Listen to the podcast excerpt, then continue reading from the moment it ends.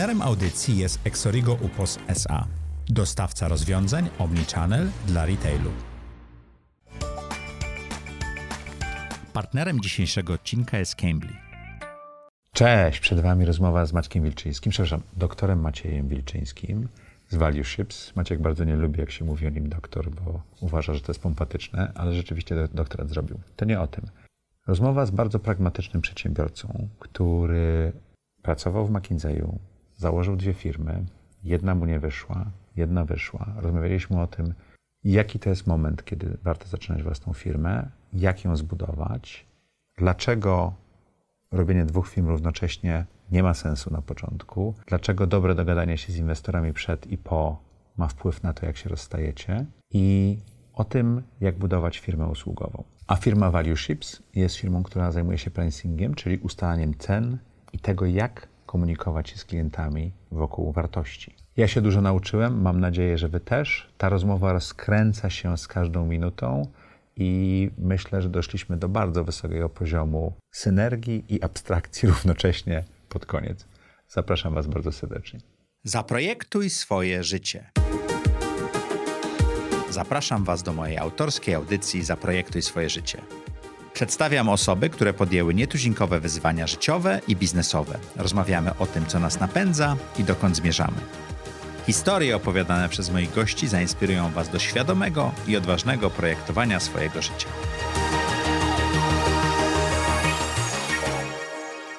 Cześć, witajcie w kolejnym odcinku audycji Zaprojektuj swoje życie. Jak co tydzień w czwartek o czwartej zapraszamy dla Was interesujących gości, zadajemy im trudne pytania i dowiadujemy się, co ich napędza. Jeżeli jesteś tutaj pierwszy raz, koniecznie dajcie nam lajka, zostawcie komentarz. Dużo się teraz mówi o AI, sztuczna inteligencja i algorytmy kontrolują to, jakie mamy zasięgi, więc Wasze komentarze teraz i lajki teraz bardzo nam pomogą.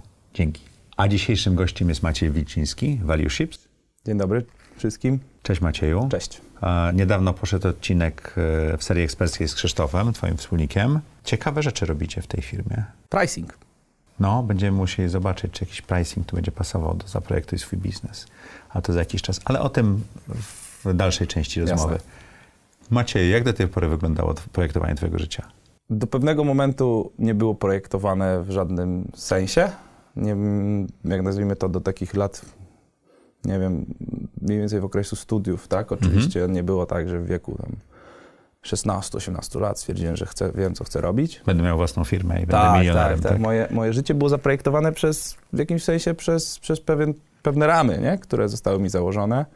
Eee, uczcie, jakby oceny są ważne, eee, jasne, rozwijaj swoje pasje, ale w momencie tak długo, jak dowozisz na froncie, froncie, froncie szkolnym, tak, to jak, jak, jakby ten, ten system, czy edukacyjny, czy e, jakby oczywiście miał, miał, miał tutaj wpływ.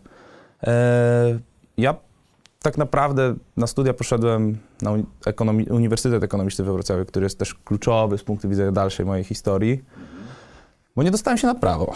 Profesor Płoszajski mówi, że jak ludzie nie wiedzą, co chcą zrobić, to idą to, na, eko na ekonomię. to jest w tak? ogóle, ja to liczyłem, tak w ogóle, ciekawostka, że z punktu widzenia takiej przeciętnej, średniej pensji lub mediany pensji po różnych uniwersytetach, w stosunku do trudności tych studiów, zwrot z inwestycji jest zdecydowanie największy. Na ekonomii. Tak, no, około no, ekonomicznych, tak. zarządzanie, finanse, nieważne, nie? Mhm. ale generalnie biznes. absolwenci tych, tych, tych mhm. uczelni, nie? Także, także to też z bratem żartowaliśmy, nie wiesz, co chcesz robić w życiu, iść na SG, nie? Także mm, ja tak trochę w ślady brata, on poszedł na SGH do Warszawy, ja, on 5 lat starszy, ja do Wrocławia na, na ekonomiczny.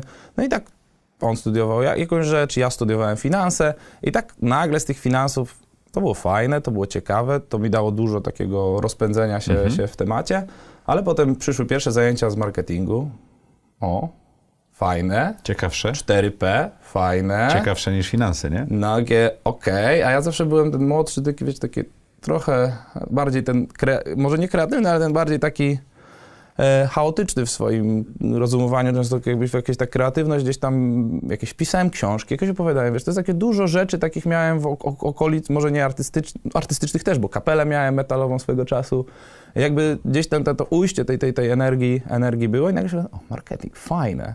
No ale potem znowu wracamy, no dobra, marketing, no to co będę opowiadał, historię o brandingu, to jest super, ale to już każdy robi, no jakby umówmy się, Paweł Tkaczyk jest tylko jeden w Polsce, który potrafi takie rzeczy robić. I tak od, od, od, zacząłem patrzeć gdzieś dalej, co dalej. Ktoś mi podrzucił jedną książkę, która się nazywa Priceless. William Poundstone ją napisał. Tam, New, oczywiście standardowy bestseller New York Timesa. I książka, która właśnie otworzyła mnie na taki kluczowy słowo, jakby dwa takie kluczowe słowa, znaczy takie terminy, pricing i ekonomia behawioralna. Ekonomię behawioralną, czyli dane Arielego, Kahnemana to już każdy zgrał, no ale na tamten czas to było takie coś nowego. Ja w międzyczasie zaangażowałem w jakieś ruchy studenckie, organizacje, samorządy, byłem przewodniczącym samorządu, jakieś takie różne rzeczy.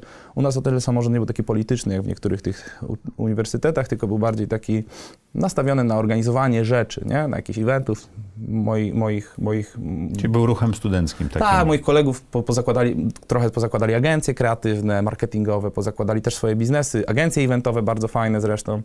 I jakby duża część osób jakby została w, trochę w tych tematach. No ja tak szukałem, gdzie to mogę, tą, gdzie, gdzie tą ekonomię i tak dalej, gdzie to, gdzie to można dalej iść. No to później zacząłem trochę, ok, ekonomia, no to psychologia. A jak psychologia, to badania. A badania nie takie zwykłe, tylko badania bardziej zaawansowane statystyczne. No to już na magisterkę, na wszystko poszedłem na statystykę, na, na takie twarde metody ilościowe. W międzyczasie wyjechałem do Stanów na stypendium i tam też studiowałem trochę ogólnego biznes, tak? Ale właśnie twardo w College of Psychology robiłem też ten kurs y, tej zaawansowanej statystyki psychologii. Bardzo chciałem iść do badań rynkowych. Wiesz, mhm. pracować w Nielsenie, w, w, w TNS-ie, tam w międzyczasie taki bardzo fajny jest też konkurs dla młodych ludzi. Mm, zbadaj to, organizowany przez Polskie Towarzystwo Badaczy Rynku i Opinii. No i cały czas gdzieś tam do tych badań, do tych badań. No i w tych Stanach sobie kiedyś właśnie, i wracamy do projektowania życia, napisałem sobie, jest taka, takie, taka strona Future Me, może mhm. kojarzysz? Tam wysłałem list. Który potem do ciebie wraca po, po pięciu latach. Czasie. No ja tam zapisałem, że jesteś teraz z Patrycją, twoją dziewczyną i tak dalej, dzisiaj moją żoną, dwójka dzieci. Eee, jakby ja zrobię, studiujesz to i to, podoba ci się to i to, chciałbyś pracować tu albo w doradztwie i tak dalej. I nagle te wszystkie rzeczy jakby i potem zostałem to po pięciu latach i tak i to był chyba ten moment w kontekście też projektowania, projektowania życia, że to był ten jeden, ten taki pivotal moment, w którym trafiłem, nie? Jakby ile było w tym takiej samospełniającej się przepowiedni, a ile jakiegoś czystego, czystego farta, to nie wiem. A czy to nie jest tak, że to dość znane e, powiedzenie czy pytanie, że e, przeceniamy to, co możemy zrobić w rok, a nie doceniamy tego, co możemy zrobić w 10 lat. I to też dotyczy zmian technologicznych, wszystkiego innego. I troszeczkę tak napisałeś to, co możesz zrobić, za 5 lat to wydaje się tak daleko, że nie spełni się, a tutaj się okazało, że się spełniło. To, to tak było, czy inaczej? Wiesz co, to na pewno, że czy to, czas... było, czy, czy, to były takie bezpieczne nie, nie, nie, e, zakłady, które robiłeś? Nie, one były bezpieczne. No wiesz, to, pra, to ja tam zakładałem, że tam było, na, tam, tam napisałem, że praca w, albo w, dla kogoś, albo może własna firma, nie wiem. Tam jest taki więc, więc no, czy, czy, to jest nie, czy to jest bezpieczny zakład? No wiesz, to albo będę miał swoją firmę, albo będę pracował w korporacji. No albo to czarne, albo białe. A to jest super, mhm. super. Mhm. Jak będzie, wiesz, jak z inflacją będzie, to będzie tak. No to, to, to mniej więcej jest ten, ten, ten koncept. Także to był bezpieczny zakład. Na pewno horyzont czasowy robi bardzo dużo. Natomiast mi się to wydaje, że to jest w jakimś sensie taki pewne, pewien tryb, taki, taki, w który wpadasz takiej trochę e, samo się e, jakiejś pewnej spirali, nie? Trochę jak wiesz, wróżbitka, nie? która ci powie, że pewne rzeczy i sobie zaczynasz tak być może kombinować. To co się stało, jak dostałeś tę wiadomość od Future Me i przeczytałeś? Powiedziałeś, że to był taki właśnie pivotal moment, taki moment zmiany. No się popłakałem. Aż tak? tak. Ja jestem generalnie dosyć wrażliwy, ale ja się popłakałem, nie? Mówię, wow, to takie, wiesz, taki strzał prosto, prosto z maila, nie? Taki wow, wow, wow, wow, nie? To było takie, to było duże, nie? To była duża rzecz. A z tego Future Me to sobie po pięciu latach przypomniałem w ogóle o tym, jakby... Zapomniałeś o tym. Zapomniałem o tym, no, o, jakieś coś wysłałem, musiałem to w spamie wyszukać i faktycznie było, nie? I to, to, to tam wisiało już dwa miesiące, nie? Okej. Okay. Także, także to był też taki chyba moment, w którym sobie o tym też przypomniałem, że to było, e, bo nie pamiętam, czy wysłałem to na 3 lata, na 7, na 5 i, mhm. i okazało się, że, że, że, gdzieś tam akurat trafiłem, nie? Także to było takie, to było mocne, nie? Bo już byliśmy wtedy też prywatny, nie? Z Patrycją już, za, już po ślubie. Mhm. Już, już, już pojawiła się Zosia, albo była w drodze. No to, mhm. no to, to było bardzo, bardzo, e, to była duża rzecz, nie? To już potem zacząłeś pięciolatkami jechać? E, nie, nie, nie. No i właśnie po tych studiach, no to wróciłem, nie wiedziałem, co ze sobą trochę zrobić. E, no bo już tak, wiesz, wróciłem z tak, w takiej emigracji trochę, nie? Bo tam byłem ponad pół roku. Wróciłem z tej emigracji i tak zaaplikowałem do McKinsey'a, gdzie gdzieś tam wiedziałem, że się we Wrocławiu otworzyło. Przyjęli. Przeszedłem case'y, tam 70 rozmów rekrutacyjnych, tam ten proces rekrutacyjny Aż tak? jest. Trzy rozmowy po trzy case studies, łącznie proces rekrutacyjny zajmie ci tak z 12 godzin, z 15 Okej. godzin, nie? to trzeba wziąć to pod uwagę.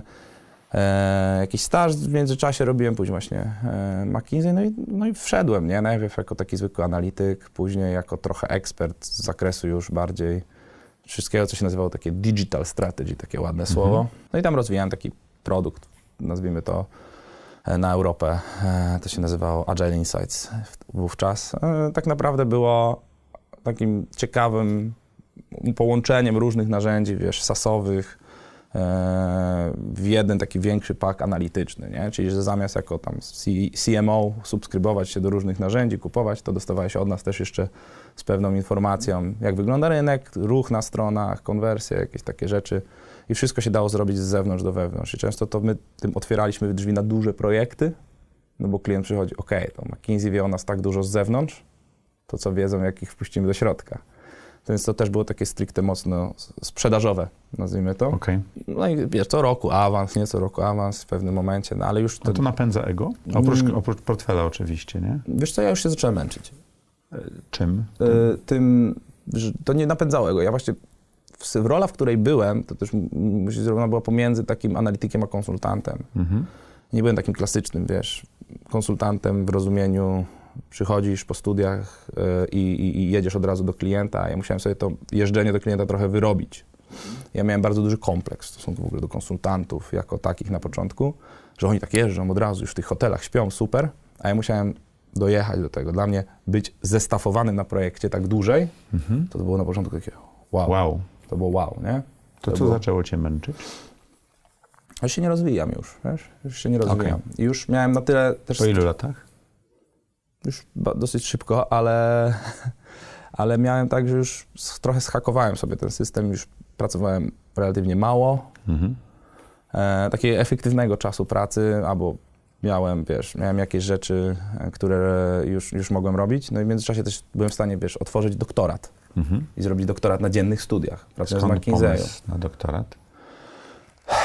No właśnie ze względu na to, że byłem zaangażowany w różne ruchy studenckie, to znałem tych profesorów i wówczas poznałem już niestety świętej pamięci mojego promotora, e, profesora Niemczyka i e, no i tak od słowa do słowa może byś zrobił jakiś, e, jakiś może byśmy o czymś porozmawiali. No on od strategii. No i tak widzisz, od tego takiego finanse, poprzez jakąś statystykę, psychologię, ekonomię behawioralną, nagle okazało się, że jeszcze wylądowałem w jakimś takim teoretycznym zarządzaniu. No o czym ten doktorat? No to może pricing, taka nisza, której mało, e, cały czas gdzieś tam z tyłu głowy, mało o niej wiadomo. A ty robisz to? No nie robię zawodowo tego, ale może bym chciał. No i z tego wszystkiego poszło to w taką Czyli stronę. ta książka sprzed lat wróciła w pewnym sensie. No to już było trochę więcej tych książek oczywiście, ale, ale ona się jakby, ona jakby wróciła. To też mówię, to też nie jest jakiś też sieć kontaktów, mówię, tu rodzina, ktoś, kto trochę mi doradził, nie? Między innymi brat, między innymi e, my się śmiejemy tak prywatnie, że my jesteśmy największą pricingową rodziną w Polsce, bo mój brat też zaczynał trochę z tych tematach, jego żona też, teraz ja. Jakby moja żona też w e-commerce'owych tematach pracuje, Mhm. więc się śmiejemy, że to jest takie dosyć, e, mm, że cała rodzina się zajmuje cennikami ale, e, ale trochę w jakimś sensie to było może nie sterowane, ale to był w jakimś sensie taki, taki impuls, nie? Jak to się kto, kto mówi, który gdzieś tam cię podkręcił w tym kierunku. I już końcówkę McKinsey'a robiłem wszystko, żeby dostawać się na pricingowe projekty. Mhm. I pa- parę udało mi się faktycznie zrobić i, i, i już tak trochę złapać też tego, czyli wtedy te wiązki się w jakimś momencie spotkały na końcu, nie? Skąd pomysł na własny biznes?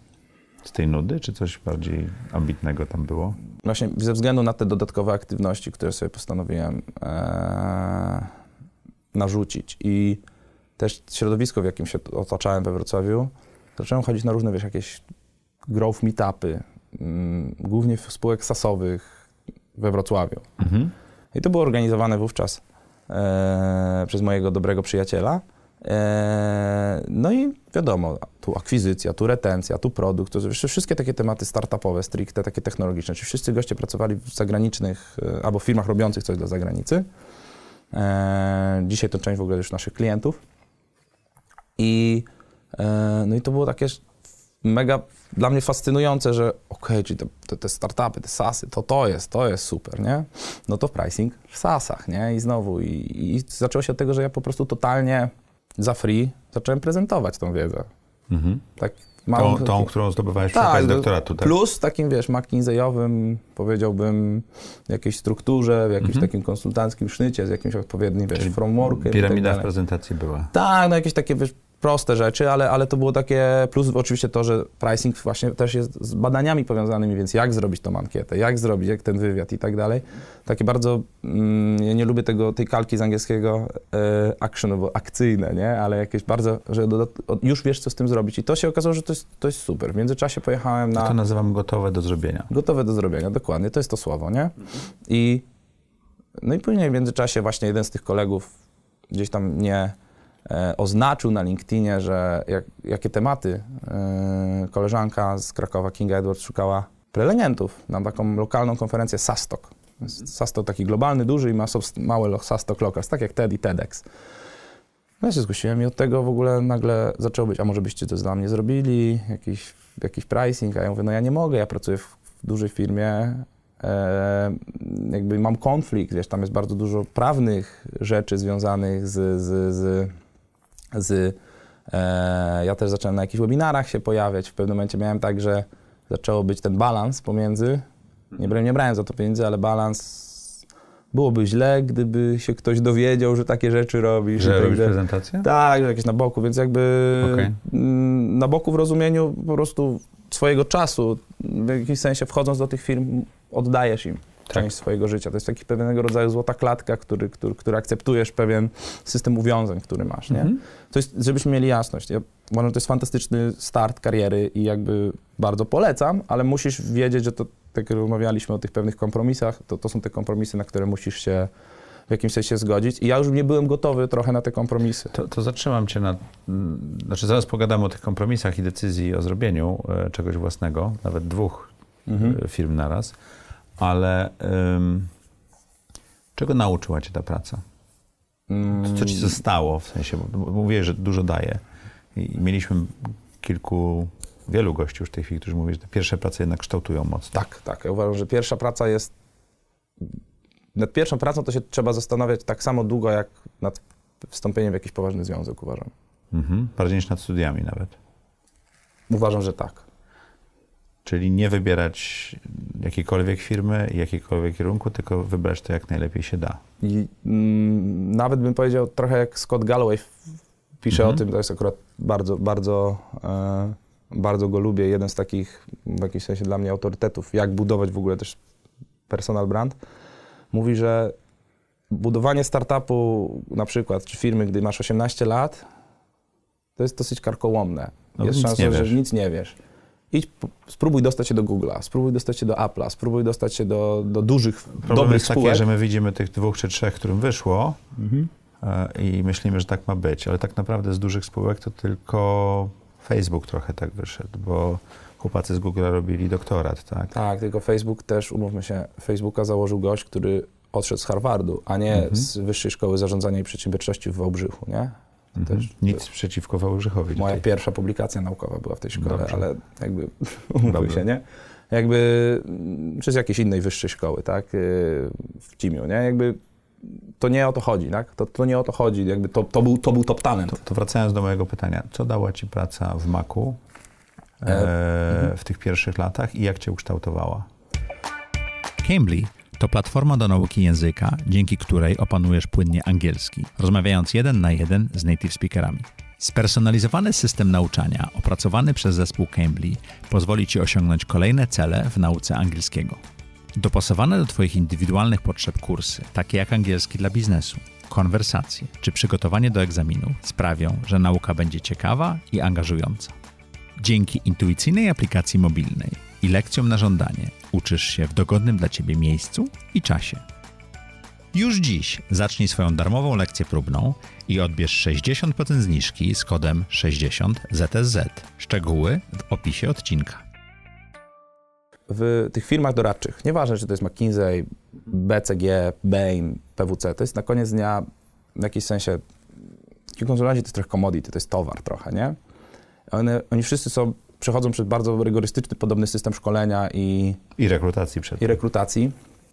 E, więc jeden, że filtr plus rama, na którą się nakładasz i masz potężny warsztat doradczy, konsultingowy po prostu. Czyli uczysz się, jak to robić. Dokładnie. Uczysz się, ja wiem, bardzo zabrzmi to totalnie jakby, jakby taki, wiesz, banał, ale rozwiązywania problemów, strukturyzowania tych problemów, jakby myślenia trochę hipotezowego, tak? Nie myślenia od tego rozgrzebywania problemów, tylko już szukania, chcemy podnieść rentowność spółki, możemy to zrobić poprzez przychody, koszty. Jeśli przychody, to tak, tak, tak, tak, tak, tak, tak, tak, tak, koszty po kolei, co możemy zrobić, tak? Czyli ta piramida, o której mówiliśmy. Jakby myślenia akcjami, myślenia inicjatywami i potem zbierania, oczywiście kaskadowania, sądowania, zbierania tych danych i na końcu, żeby to się wszystko spięło w jeden, w jeden główny wniosek, tak? Te wszystkie, te, te, te, te wszystkie zasady. Plus do tego taki prosty warsztat, czy prosty, taki warsztat, wiesz, takich, takiej higieny pracy w rozumieniu, jak ma wyglądać dobrze zrobiona prezentacja. Eee, nawet widziałeś na prezentacji ostatniej mojej, no tam te slajdy są... Maciek był na konferencji e, Zaprojektuj swój biznesowy Tak. wzrost i mówił właśnie o pricingu. To nagranie zlinkujemy. Tak, i te slajdy są ciężkie, ale mają bardzo dużą warstwę informacyjną. Ale twoja prezentacja powodowała, że dało się tego słuchać i oglądać, tak? Bo to też Oczywiście, to jest ten skillset. to trzeba, ta, ale dokładnie, to trzeba ten balans znaleźć, ale wiesz, jakieś umiejętności takie analityczne, nie, i tak dalej, plus taka kultura pracy z klientem, zachowania się z klientem, wiesz, takie głupie rzeczy jak napisać maila dobrze Mhm. do klienta i jak, wiesz, zrobić memo ze spotkania. Są takie małe rzeczy się wydają, że nie, nieistotne, ale my nawet dzisiaj z, z, wiesz, z jakimiś juniorami naszymi u nas przerabiamy najdalej, teraz nagrywamy mm, to wideo, a rano Krzysiek miał pogadankę z młodszymi członkami zespołu dotyczącego, słuchajcie, do kogo piszecie maila, jak piszecie, jak to trzeba zrobić, czyli też tego warsztatu, którego my musimy ich teraz nauczyć, nie? Mhm. Więc to są te rzeczy, które po prostu z tym wychodzisz. Wychodzisz takim sznytem, nazwijmy to. Jesteś otrzaskany. A to jest ważne. To jest najważniejsze. To trzaskanie ma jeszcze jeden wymiar, o którym nie mówiłeś, bo spotykasz wielu klientów. Nie uczysz się na jednej firmie, którą próbujesz zrobić, tylko e, co kilka miesięcy jest nowy klient, prawda? I nowy problem do rozwiązania. Tak, no to jest oczywiście, wiesz, z, z, jak się mówi, że z niejednego pieca chleb jadłeś, nie? To to jest ten, ten e, A tu pie, ten tutaj chleb, tu cegły, tutaj Tak, na digital, koniec dnia, tak? wiesz, na koniec dnia było tak, że ja jeden projekt miałem o koparkach. Mhm. Na których się w ogóle nie znałeś? Dzisiaj się nie znam, ale jakby to nie przeszkadzało zrobić tam, wiesz, cały due diligence, nie, o tych koparkach, czy później robić y, właśnie jakby, jakby digital, mm, z, w, cały nawet mm, aspekt takiego wzrostu poprzez subskrypcję w biznesie lotniczym, nie? Mhm. W sensie Czyli od koparek do samolotów tak, i tak zwłaszcza na dalej. początku kariery, nie? Później oczywiście się zaczynasz specjalizować, albo funkcjonalnie specjalizujesz się w marketingu, w strategii, w finansach, operacjach, albo tak bardziej poprzez przemysł, nie? W naftowym i tak To dalej, jeszcze ale... dla takich osób, które zaczynają, to kiedy wiedziałeś, że ta krzywa uczenia się ci się wypłaszcza? Bo ona jest logarytmiczna, prawda? Ona najpierw idzie bardzo do góry, Mhm. potem się wypłaszcza. W którym momencie poczułeś, że, e, że to Tak punkt, czy to był... Z 3-4 lata, z 3-4 lata. Od, od, od dołączenia, nie? Jak już zostałem tym takim seniorem, nazwijmy to, Mhm. nie? To już, już miałem, to już, już czułem, że, e, że, że, że to jest e, dużo. Zresztą, akurat, ale akurat w McKinsey jest fajna taka zasada, że co pół roku powinieneś się zastanawiać, czy chcesz zostać w firmie. Mhm. To jest up or out, taka kultura, nie? Apparat działa tak, że wiesz, że musisz awansować do partnera. Ja e, byłem na modelu grow or go, czyli albo znajdujesz Okej. swój moment, albo właśnie, albo czujesz, że się możesz... Po, podobnie, tak? Tylko, że funkcy, Tak, funkcyjnie, nie? Ale kluczowe było to, że co pół roku sobie musisz zadawać to pytanie, czy chcesz tu być. I w przeciwieństwie do wielu firm, odejście z, z, z właśnie z firmy doradczej do, do biznesu, nazwijmy do klienta na przykład, jest uważane, że to jest super. Mhm. No bo to przynosi kolejny biznes, nie? To się rozszerza sieć, jest sieć alumnów i tak dalej. To jest najlepsze źródło lidów, nie? Tak, a e, absolwenci McKinseya są Są- genialnym miejscem, gdzie można sprzedawać, I tak? bierzesz swoich, nie? Tak. Także to jest, to, jest, to, jest, to jest klasyk, nie? Także to jest super. I, i jakby, więc to nie jest, to, to, to, więc to też wiedziałem, że opcje powrotu zawsze istnieją. Czyli e, w pewnym sensie organizacja ci też pomogła podjąć tę decyzję, bo co pół roku musiałeś sobie zadać to pytanie, a nie czekać na, Tak, li, na system- list wysłany do siebie za 5 lat. System ewaluacji jest też hardkorowy, nie? W sensie musisz zebrać sobie listę feedbacku z klientów, nie z klientów, z ludzi, Mhm. sam zbudować swojego case'a, przedstawić tego case'a. Jest człowiek ucz- w swoim imieniu. Uczysz się o sobie dużo. No w pewnym sensie No, tak. te, w pewnym- feedbacki od klientów dają ci Tak. obraz ciebie, jakieś lustro skrzywione, ale tak. To jest straszny moment w ogóle. Bo? Co pół roku to jest straszny moment, bo nagle co ja mam wpisać, kogo ja mam wpisać? W tych firmach panuje straszliwa merytokracja w rozumieniu możesz się z kimś lubić, bić wódkę, a i tak nie da ci dobrego feedbacku, nie dlatego, że jest dla ciebie wredny, Tylko dlatego, że nie zrobiłeś dobrze tylko że nie zrobiłeś dobrej roboty.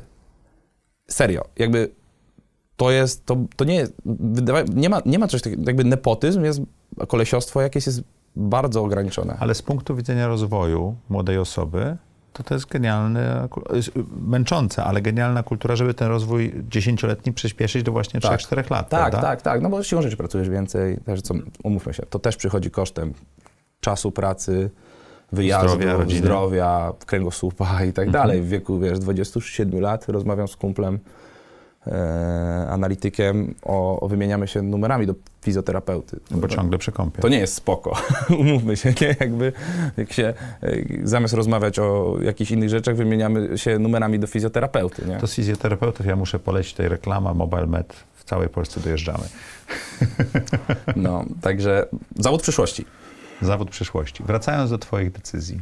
Zdecydowałeś się pójść na swoje, ciągle robiąc doktorat Mhm. i zrobiłeś coś yy, trudnego, bo nie założyłeś jednej firmy, tylko efektywnie założyłeś jedną po drugiej. Skąd taki szalony, dodam, Szalony. moim zdaniem, pomysł? Wtedy się nie wydawał szalony z pewnością, skoro to robisz. wydawało się genialna dywersyfikacja portfela. A moich dywersy- aktywności. dywersyfikację portfela robi się, jak już się majątek zarobiło, jak się broni ten majątek, a nie jak No. się go buduje. Jak się Oczywiście. buduje, to jest takie magiczne słowo fokus. Tak. No i tego zabrakło. Nie, no spoko, ale to przepraszam, tutaj y, posłuchaj mojej historii, bo ja, ja się mądrze i głupoty gadam. Bardzo dobrze, nie, no bo się, czy, słuchajcie, do, fokusu zabrakło, tak? Bo ja chcąc wyjść już, ma, mając rodzinę, dziecko, wiadomo, jakąś tam hipotekę, tak? Także E, już, już ten cashflow jest ważny domowy, Także nagle to jest, jednak to jest istotne, jakiś tam standard, który chcesz w miarę utrzymać. Nagle, ale już gdzieś tam znając ludzi właśnie również z uczelni i tak dalej, mm, postanowiliśmy założyć dwa jakby w pewnym momencie e, też poszukując jakichś innych aktywności, również nawet nowej pracy, e, od słowa do słowa mm, założyliśmy startup edukacyjny związany z takim Global MBA. To miało być zebrana wiedza MBA w jakimś temacie z całego świata, czyli Online. Jed, je, online. Jednego dnia, to też COVID oczywiście przyspieszył, to też taki na pandemii e, robiony, robiony wzrost. E, COVID bardzo to przyspieszył, ja tą edukację rozumiałem, no bo też wykładałem, jakby rozumiałem ten, ten, ten biznes. E, tak mi się przynajmniej wydawało. Całe założenie polegało na tym, żeby robić studia, akurat w pilotażowo robiliśmy ze względu też na e, właśnie ekipę, z którą, z którą pracowałem, w studia w temacie przemysłu 4.0, czyli tego, wiesz, ciężkiego, automatyczne, automatyzacji przemysłu ciężkiego, e, wiesz, internet rzeczy, sztuczna inteligencja wówczas, jakby wszystkie tego typu e, wszystkie tego typu rzeczy. Mm, No całej takiej ramie, gdzie można to Industry 4.0 włożyć. E, No i zrobiliśmy pierwszą edycję. Sprzedano, to jest ważne, tylko po networku, sieci kontaktów. Super sukces. 25 osób, elitarna grupa, wiesz, wyjazd do, do fabryki Industry 4.0, e, na Mercedesa i tak dalej. No super rzecz, fajnie to wyszło. Super Zarobiliście pieniądze? NPS, kreska Nie straciliście, nie straciliśmy, no to kopiemy drugą. No ale jak już się wysyciło, nagle się okazało, że, że trzeba sprzedawać. że cold mailing nie za bardzo tak dobrze działa, że wysyłanie 4000 cold maili to wcale nie generuje leadów, nie? A na content też nie było jakby środków, żeby, bo to przecież strategie Mhm. contentowe są długoterminowe. A żeby jeszcze było śmieszniej dla tej historii, no to zanim założyliśmy e, ten projekt, to e, dużo chodziliśmy od uczelni, próbując to pitchować. No i ja tak mówię, nie za bardzo to chyba pójdzie, ten, ten, te, te studia. To wiesz co, ja mam taki pomysł na taką spółkę doradczą, to, Zarobimy, żeby utrzymać startup, to tak? ja mam taki pomysł na taką spółkę doradczą i I spróbujemy, jak ta spółka pójdzie. W międzyczasie ta spółka poszła na tyle, żeby utrzymać jakiś wiesz, bieżący cash flow, jakąś taką moją, znaczy właśnie tych klientów, których z konferencji Ta różnych. spółka to Valueships. Tak, dzisiaj tak. I to jest najgłupsza możliwa rzecz, jaką można zrobić, czyli finansowanie w ogóle jednym, jedno, jednym podmiotem Drugiego. drugiego, będąc w zasadzie sam albo z małym zespołem, mając dwie aktywności, zero, wiesz, podziału budżetów, budżetówek, jakichś, jakichś takich wszystkich finansowych kwestii, nie? Te faktury zaczynają ci się mieszać, bo pędzisz, bo, bo, bo ciśniesz, nie masz kiedy tego przeanalizować. Ale ty jeszcze wziąłeś inwestora do pierwszego biznesu. I jeszcze wziąłem dwóch. Dwóch inwestorów. Tak. Aniołów biznesu? Mhm. Skąd pomysł na to, żeby wziąć inwestorów? Nie było kasy? Bałem się. A wziąłeś przed pierwszą edycją jeszcze? Tak, tak, tak. Ja się ba- bałem wyjść z firmy, że mówię, że kurczę, chcę coś spróbować zrobić, kiedy jak nie teraz i bałem się po prostu, wiesz, Czyli w ogóle startując firmę Tak. ten, na pomysł. Bałem się po A ile prostu- pieniędzy zebrałeś? jakieś grosze. Okej. Tak naprawdę w skali w ogóle jakieś grosze to są. Wiesz, jakieś duże rozwodnienie mojego udziału i szczerze mówiąc, fajnie bardzo się cała sytuacja rozwiązała, bo mówię, chłopaki, kurczę, czuję, że e, jest pewna jakaś asymetria. Oni byli siłą rzeczy bardziej, no robili, Pasywni. ale pa- pasywni w tym projekcie edukacyjnym bardziej chcieli się angażować w ten mój projekt doradczy. To nie był ich biznes, nie rozumieli go też, nie? Mhm. Ostatecznie bardzo fajnie się wszystko skończyło, bo miałem dużo farta ludzi, u ludzi, których poznałem, bo słuchajcie, ten projekt jakby wydzieliliśmy, w międzyczasie założyliśmy spółkę na, na, na, na, na ten projekt edukacyjny, a Valueships mówię, to ja was wykupuję. Ja was będę spłacał na bieżąco z, z, z, jakiegoś tam z zysków wyrabianych przez spółkę. No i do końca roku tam jeszcze, jeszcze dalej jesteśmy jakby w trakcie. Już w tym momencie, no i pozwoliło to w ogóle wciągnąć Krzysztofa, tak, wspólnika i wyprostować tak naprawdę tę sytuację. Więc ja mogę powiedzieć, że ja dwa lata tak naprawdę teraz zapłaciłem w jakimś sensie Frycowe. frycowe, to jest to słowo, no. Takiego za taką...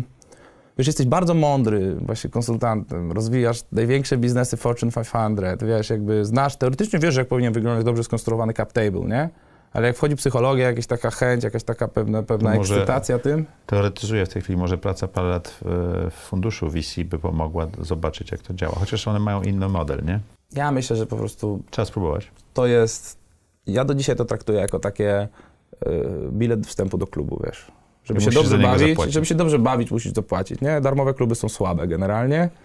I no wiesz, no tak jak, No, Ale zapłaciłeś i pieniędzmi i swoim czasem. I, Tak. kawa, I kawałem swojego życia. tak, tak, tak. Stresem, dużo. Tak, Co się stało z biznesem edukacyjnym? Pivot, wciągnięcie w większą spółkę. Z tego co wiem, to idzie spoko, nie? Czyli ty się wymiksowałeś Tak, tego? wymiksowałem się. Ja byłem prezesem zarządu przez pewien moment. Mhm. Ale, ale idzie, idzie, z tego co wiem, idzie ok, jakby przekazanie, tylko jakaś te, wiesz, jeszcze raz na jakiś czas jakieś tam tylko... To kiedy wiedziałeś, że musisz się sfokusować na Valueships i zostawić e, ten, tego MBA 4.0? Jak czułem, że mi się nie spina. Nie spina co? Kasa, czas? Kasa, życie, Okej. stres, czas. A co to było za uczucie? To był jeden dzień się obudziłeś, albo nie, nie, mogłeś nie, zasnąć? nie, czy to było takie pełzające, ciągłe uczucie pewnego rodzaju mm, mm, takiego uwiązania, takiej, wiesz, matni w jakimś sensie, w której jesteś, układu, Okej. który, który się z własnej Który sam stworzyłeś? sam stworzyłeś. Bardzo mi pomogła jedna osoba, które, której przyszedłem i mówię, słuchaj, mam taką sytuację i wiem, że pomagam młodym przedsiębiorcom, że nie wziął ode mnie, za to, ode mnie kasy za to i powiedział, to jest biznes. Mhm. Masz prawo wyjść z układu, który jest dla ciebie asymetryczny i przestaje ci się opłacać, bo masz do tego prawo. A ja miałem wiesz, jakieś takie, że umawiamy się na coś, jest, jesteśmy trzymasz zespołem, lojalność jakaś jest, jest, jest istotna. I jakby jak najbardziej, ale też nie możesz być w układach, które prze, prze, przekraczają twoje granice i nie, jakby układach, które sam stworzyłeś. To też jest ważne, nie? To nie jest tak, że ktoś mi krzywdę zrobił. Nie? Tym, tym, tym, była tym twoja biznesem. To propozycja. była moja, mo, sam wyszedłem, sam chciałem, sam zaproponowałem. To nie jest tak, że ja zrobiłem, że, że, że ja sam sobie w jakimś sensie zrobiłem krzywdę. Więc wyszedłem, wychodząc z tego, z tego, z tego wszystkiego, no troszkę trochę upraszczam, ale to było dla mnie takie, aha, jak mogę z tego wyjść? Nie? Jak zareagowali twoi wspólnicy? Rzeczywiście na początku było takie, że no, przecież to możemy zrobić, a wiesz ile ma Bill Gates w Microsoftie i tak dalej. Ja mówię, ale my nie billujemy Microsoftu. Em, ile jakby pewnego, dobra, no to jak możemy, no ale później było takie, jeśli się dzisiaj nie dogadamy, jeśli my dzisiaj nie wymyślimy czegoś sensownego, to nie będziemy mieli, to, to nic nie będzie z tego, nie? Ani w lewo, ani w prawo, bo po prostu zawsze jest, zawsze jest bomba atomowa, którą możesz ten, cyk, startuje na nowo, wiesz, networkiem, value ship zmienia się na coś tam, coś tam i, i jadę dalej, nie? Zmieniam, zmieniam, zmieniam tak naprawdę tylko template i logo, A nie? musiałeś też taki granat położyć na stole, żeby ruszyć rozmowę? Nie, nie, ale gdzieś z tyłu głowy cały Miałeś czas byłem to. gotowy, już byłem na tyle zdesperowany, żeby z tego wyjść, że byłem gotowy jakby wybuchnąć całą spółkę, że się tak wyrażę, nie? I, i że, że to, że, że chciałem to zrobić, jeśli byśmy się, to bo oczywiście ta eskalacja była, była daleka od tego, ja snułem dużo gorsze scenariusze niż rzeczywiście Mhm. to było, bo faktycznie zespół, z którym pracowałem był doświadczony, po już jakichś biznesach wiedzą, że Znali, znaliście się też. znaliśmy się, nie ma sensu jakby się, to też nie chodziło o kłótnie w ogóle, żebyśmy też mieli jasne, to nie chodziło o, e, wiesz, o jakąś złą krew, nie? Tylko ja po prostu, kurczę, że mi się, nie czuję, że to też jest, chcę to robić, nie? Nie czuję, że, że, że, że, to, się, że to mi się spina, nie? Bo, bo to po prostu nie idzie, tam to, ja nie czuję, że to idzie, ja może nie jestem właściwym człowiekiem do tej, do te, do tej rzeczy i, i nie czuję, że to ma, że to ma, że to ma sens i e, no i ostatecznie, ostatecznie udało się wyciągnąć Krzysztofa już który wyszedł z Makizea do innej spółki i w jakimś sensie prostując tak naprawdę tą sytuacją też, też kapitałową, prawną, wiesz, te wszystkie rzeczy. A to zajęło ci dwa lata. Mówisz, że do końca tego roku jeszcze będziesz wy, no tak, no to. a realnie w marcu Krzysiek, udało mi się go wciągnąć, wiesz, do, Do spółki. do spółki jak oficjalnie, wiesz, tak jakby udzia udziały się po, Mhm. poukładały, bo to wiesz, te wpisy do KRS-u, te wszystkie rzeczy. Także no teraz tak naprawdę w jakimś sensie dwa lata, można powiedzieć, że dwa lata jesteśmy w plecy, można tak na to patrzeć, To była dobra lekcja. ale właśnie była też to dobra lekcja rzeczy, jak budować pewne jakby, Albo jak nie budować. Jak nie budować od, od zera. I na przykład teraz robimy takie acquihire takiego zespołu date, danowego Mhm. i ja mówię, chłopaki, ale no to się dzielimy, porównujemy. Nie, nie, nie, nie, nie. To wy macie tutaj większość, nie my, nie? Jakby nie, nie chcemy 50% w tym temacie, bo... Bo rozumiesz, jakie są konsekwencje za dwa lata, tak? no, Acquihire to jest, y, dla tych, co nie wiedzą, to jest y, y, zakupienie spółki, bardziej zespołu nawet niż, tak, niż spółki i wymiana udziałami. Tak, tak, to jest dokładnie, to jest Czyli bardziej... acquisition and hire. Dokładnie. To jest takie, żeby kupić kompetencje zespołu, a nie wartość spółki w Mhm. rozumieniu w rozumieniu takim uproszczonym. No ale właśnie mówię, nie chłopaki, nie, nie, wy musicie mieć... To, Więcej. Musi być, musi musi być to wasze. Tak, to musi być, to musi być wasze, Tak nie? jak moje inwestycje w startupy i w firmy, ja zawsze mam mniej niż 30%, a zazwyczaj dużo mniej, bo firmy około 30, w startupy tam około 5-10, bo trzeba dać e, poczucie własności Mhm. founderom. Dobra reguła kciuka mówi, że to powinno być 15-20% podobno. W Mhm. przypadku aniołowania. Mhm. Maksimum. Tak, to gdzieś tam te są tego, tego typu. E, nawet niedawno szukałem i tam gdzieś tam udało mi się znaleźć taką liczbę. Także, także to wydaje mi się, że jest sensowne, nie? Zresztą ja znam fundusze bardzo fajne, które na przykład sprzątały CapTable, jakby strukturę udziałów, Skupując tych mniejszych. Tak? e, na zasadzie skupując i oddając głównym założycielom mm, jakby więcej na początku, znaczy więcej po tej rundzie, żeby mieli motywację w ogóle, nie? Bo nie ma nic gorszego niż właśnie poczucie, że czujesz, że się frajerujesz w życiu. To jest, to, jest, to jest najgorsze uczucie, bo ty jesteś, wiesz, ambitny, chcesz coś zrobić, masz właśnie, mówię, jest oczywiście aspekt też rodzinny, nie? Gdzie, gdzie przecież rozmawiasz o tym. A po jednej, drugiej, trzeciej rundzie masz kilkanaście procent własnej firmy, tak? O ile, I nie jest to Microsoft. o ile, nie? Tak. O ile. Także to jest trudne. To jest trudne, ale już z każdym miesiącem mam, miałem takie wrażenie, że jest... zaczynasz oddychać, nie? To jest takie uczucie takiego oddechu. Masz już firmę. Value Ships jest praktycznie twoje i, i wspólników. Co robicie? I, I z czego to wy, wyniknęło? Czy to było z potrzeby klientów, z tego doktoratu, czy z tej jednej książki i wielu, które przeczytałeś? Bo to jest, to nie ma takich firm na polskim rynku chyba za dużo.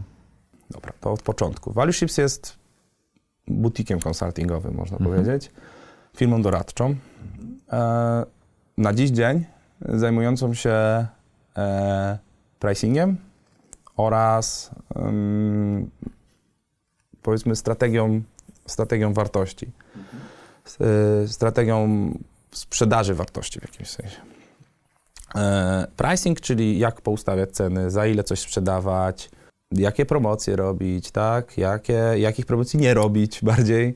E, co sprzedawać realnie i w, jak, w jakim modelu, tak? To są wszystkie te, tego typu pytania, na które odpowiadamy. Z kolei ten value management, zarządzanie wartością, to jest to, ile realnie, zwłaszcza w biznesach na przykład B2B, ile ja kontrybuuję do ciebie, drogi kliencie, sprzedając ci moją usługę lub produkt, tak? Czyli e, jeśli sprzedaję znowu narzędzie do optymalizacji kosztowej w firmie produkcyjnej, no to ile to narzędzie jest realnie warte, tak? Mhm. Milion złotych, dwa miliony, ile ja będę z tego miał? Jaki jest jakby zwrot z inwestycji w, w, w całość? Czyli I to, co mówiliśmy z Krzysztofem, nie cost plus, tylko zastanówmy się, jaka jest wartość dla dokładnie, e, dokładnie. klienta. No i bo w samym pricingu jest sek sekcja z Krzysztofem, seria Zaprojektuj swój mhm. biznes, więc... E, tam będzie więcej. Ale mówimy, jest, mówimy teraz no. o tobie i mówimy o firmie. Pomysł na e, butik konsultingowy wynikał na początku z potrzeby zarobienia jakichś pieniędzy obok. Tak, tak, tak. Ale okazał się dobrym pomysłem, trafionym, prawda? Robisz biznes. No robię biznes, no póki co, póki co tak, no póki co tak, póki co tak jest, wydaje mi się, że to nawet nie jest tak zwany koniec początku e, tej, tej, tej spółki, bo, bo ja uważam, że my dalej nie mamy czegoś, co się nazywa tym takim magicznym product market fit, nie? Czyli tym... tym... Eksplorujecie. Uważam, że jeszcze nie ma, na dziś dzień nie mogę powiedzieć, że my mamy to w pełni jakby tak, to jest nasz realnie produkt i to jest nasz rynek, który, który chcemy obsługiwać, nie? Znaczy rynek wiemy, bo wiemy, że to zagranica i jakby to są, to są, to są spółki, w które, e, w które uderzamy, natomiast produktowo, wiesz, my robimy, żeby to było jasne, my nie robimy na przykład pricingu w w spółkach handlu detalicznego, w retailu na przykład, nie wiem, mhm. dla Biedronki na przykład, byśmy pewnie nie wzięli takiego projektu. Robicie to raczej w spółkach y, cyfrowych. Dokładnie. Bo tam jest więcej danych. Bo jest więcej danych i jest to jakby wymaga też mniejszych zespołów, mhm. nie? Bo jakby żeby zrobić, że to są potężne zbiory danych, możesz czasem kiedyś, ale też tu już jest konkurencja. Tu już właśnie duże konsultingi obstawiają mhm. E, te największe sieci handlowe na przykład, nie? ale nikt nie obstawia, nikt nie umie tak naprawdę robić dobrze pricingu w spółkach typu SaaS, Software as a Service, czyli oferujących oprogramowanie w chmurze, z czego ja zresztą doktorat napisałem. I tak naprawdę na świecie jest tylko jedna spółka, niedawno kupiona, która specjalizuje się, jeśli chodzi o też taką narrację, jak, jak, jak myśleć w ogóle o cennikach, o, o, o tego typu spółek, nie? Skąd miałeś pierwszego klienta? Z konferencji. Tak? Mhm z, z, z, tego, z tej konferencji w Krakowie, właśnie SAS. Tak. Tej pierwszej, pierwszej. Pierwszej, pierwszej, tak. Jak pozyskujecie teraz klientów? Mamy oczywiście referencje, to jest jakby wiadomo, zawsze najlepiej, e, ale coraz więcej osób przychodzi do nas z podcastów, konferencji i z kontentu, który robimy. No z Krzysztofem mamy nagranych kilka rozmów, będzie dość dużo o, o cenach, także będzie ciekawie.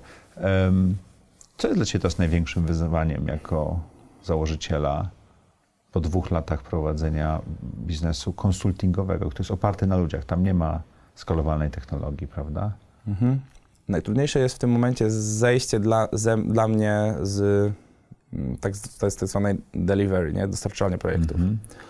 Bo żeby też rozróżnić, na przykład w stosunku do firmy produkującej software, oprogramowanie, takiego software house'u, jeśli ja jestem założycielem i nie umiem kodować, nie umiem po prostu tego robić, no to muszę zatrudniać ludzi, którzy to umieją i, i tak dalej. Od razu jakby pewnego rodzaju e, delegowanie tych zadań jest wpisane w ten model. W sytuacji, gdy zaczynasz firmę z tak zwanej tej branży usług profesjonalnych, ty jesteś tym mistrzem. I musisz tak być, bo zatrudniasz osoby młodsze od ciebie, tak. czy z mniejszym doświadczeniem. Kluczowa jest właśnie ta piramidka, nie? że ty jest mistrz, rzemieślnik, czeladnik, nazwijmy w takim, takim klasycznym, jak to się kiedyś mówiło, e, modelu, ale to tak trochę działa, że na początku to jest najważniejsze, że ty musisz robić te projekty, bo ty też sprzedajesz twarzą, oni chcą ciebie. Spółki usługowe, co do zasady można podzielić na jakby takie pewne trzy typy. Mhm.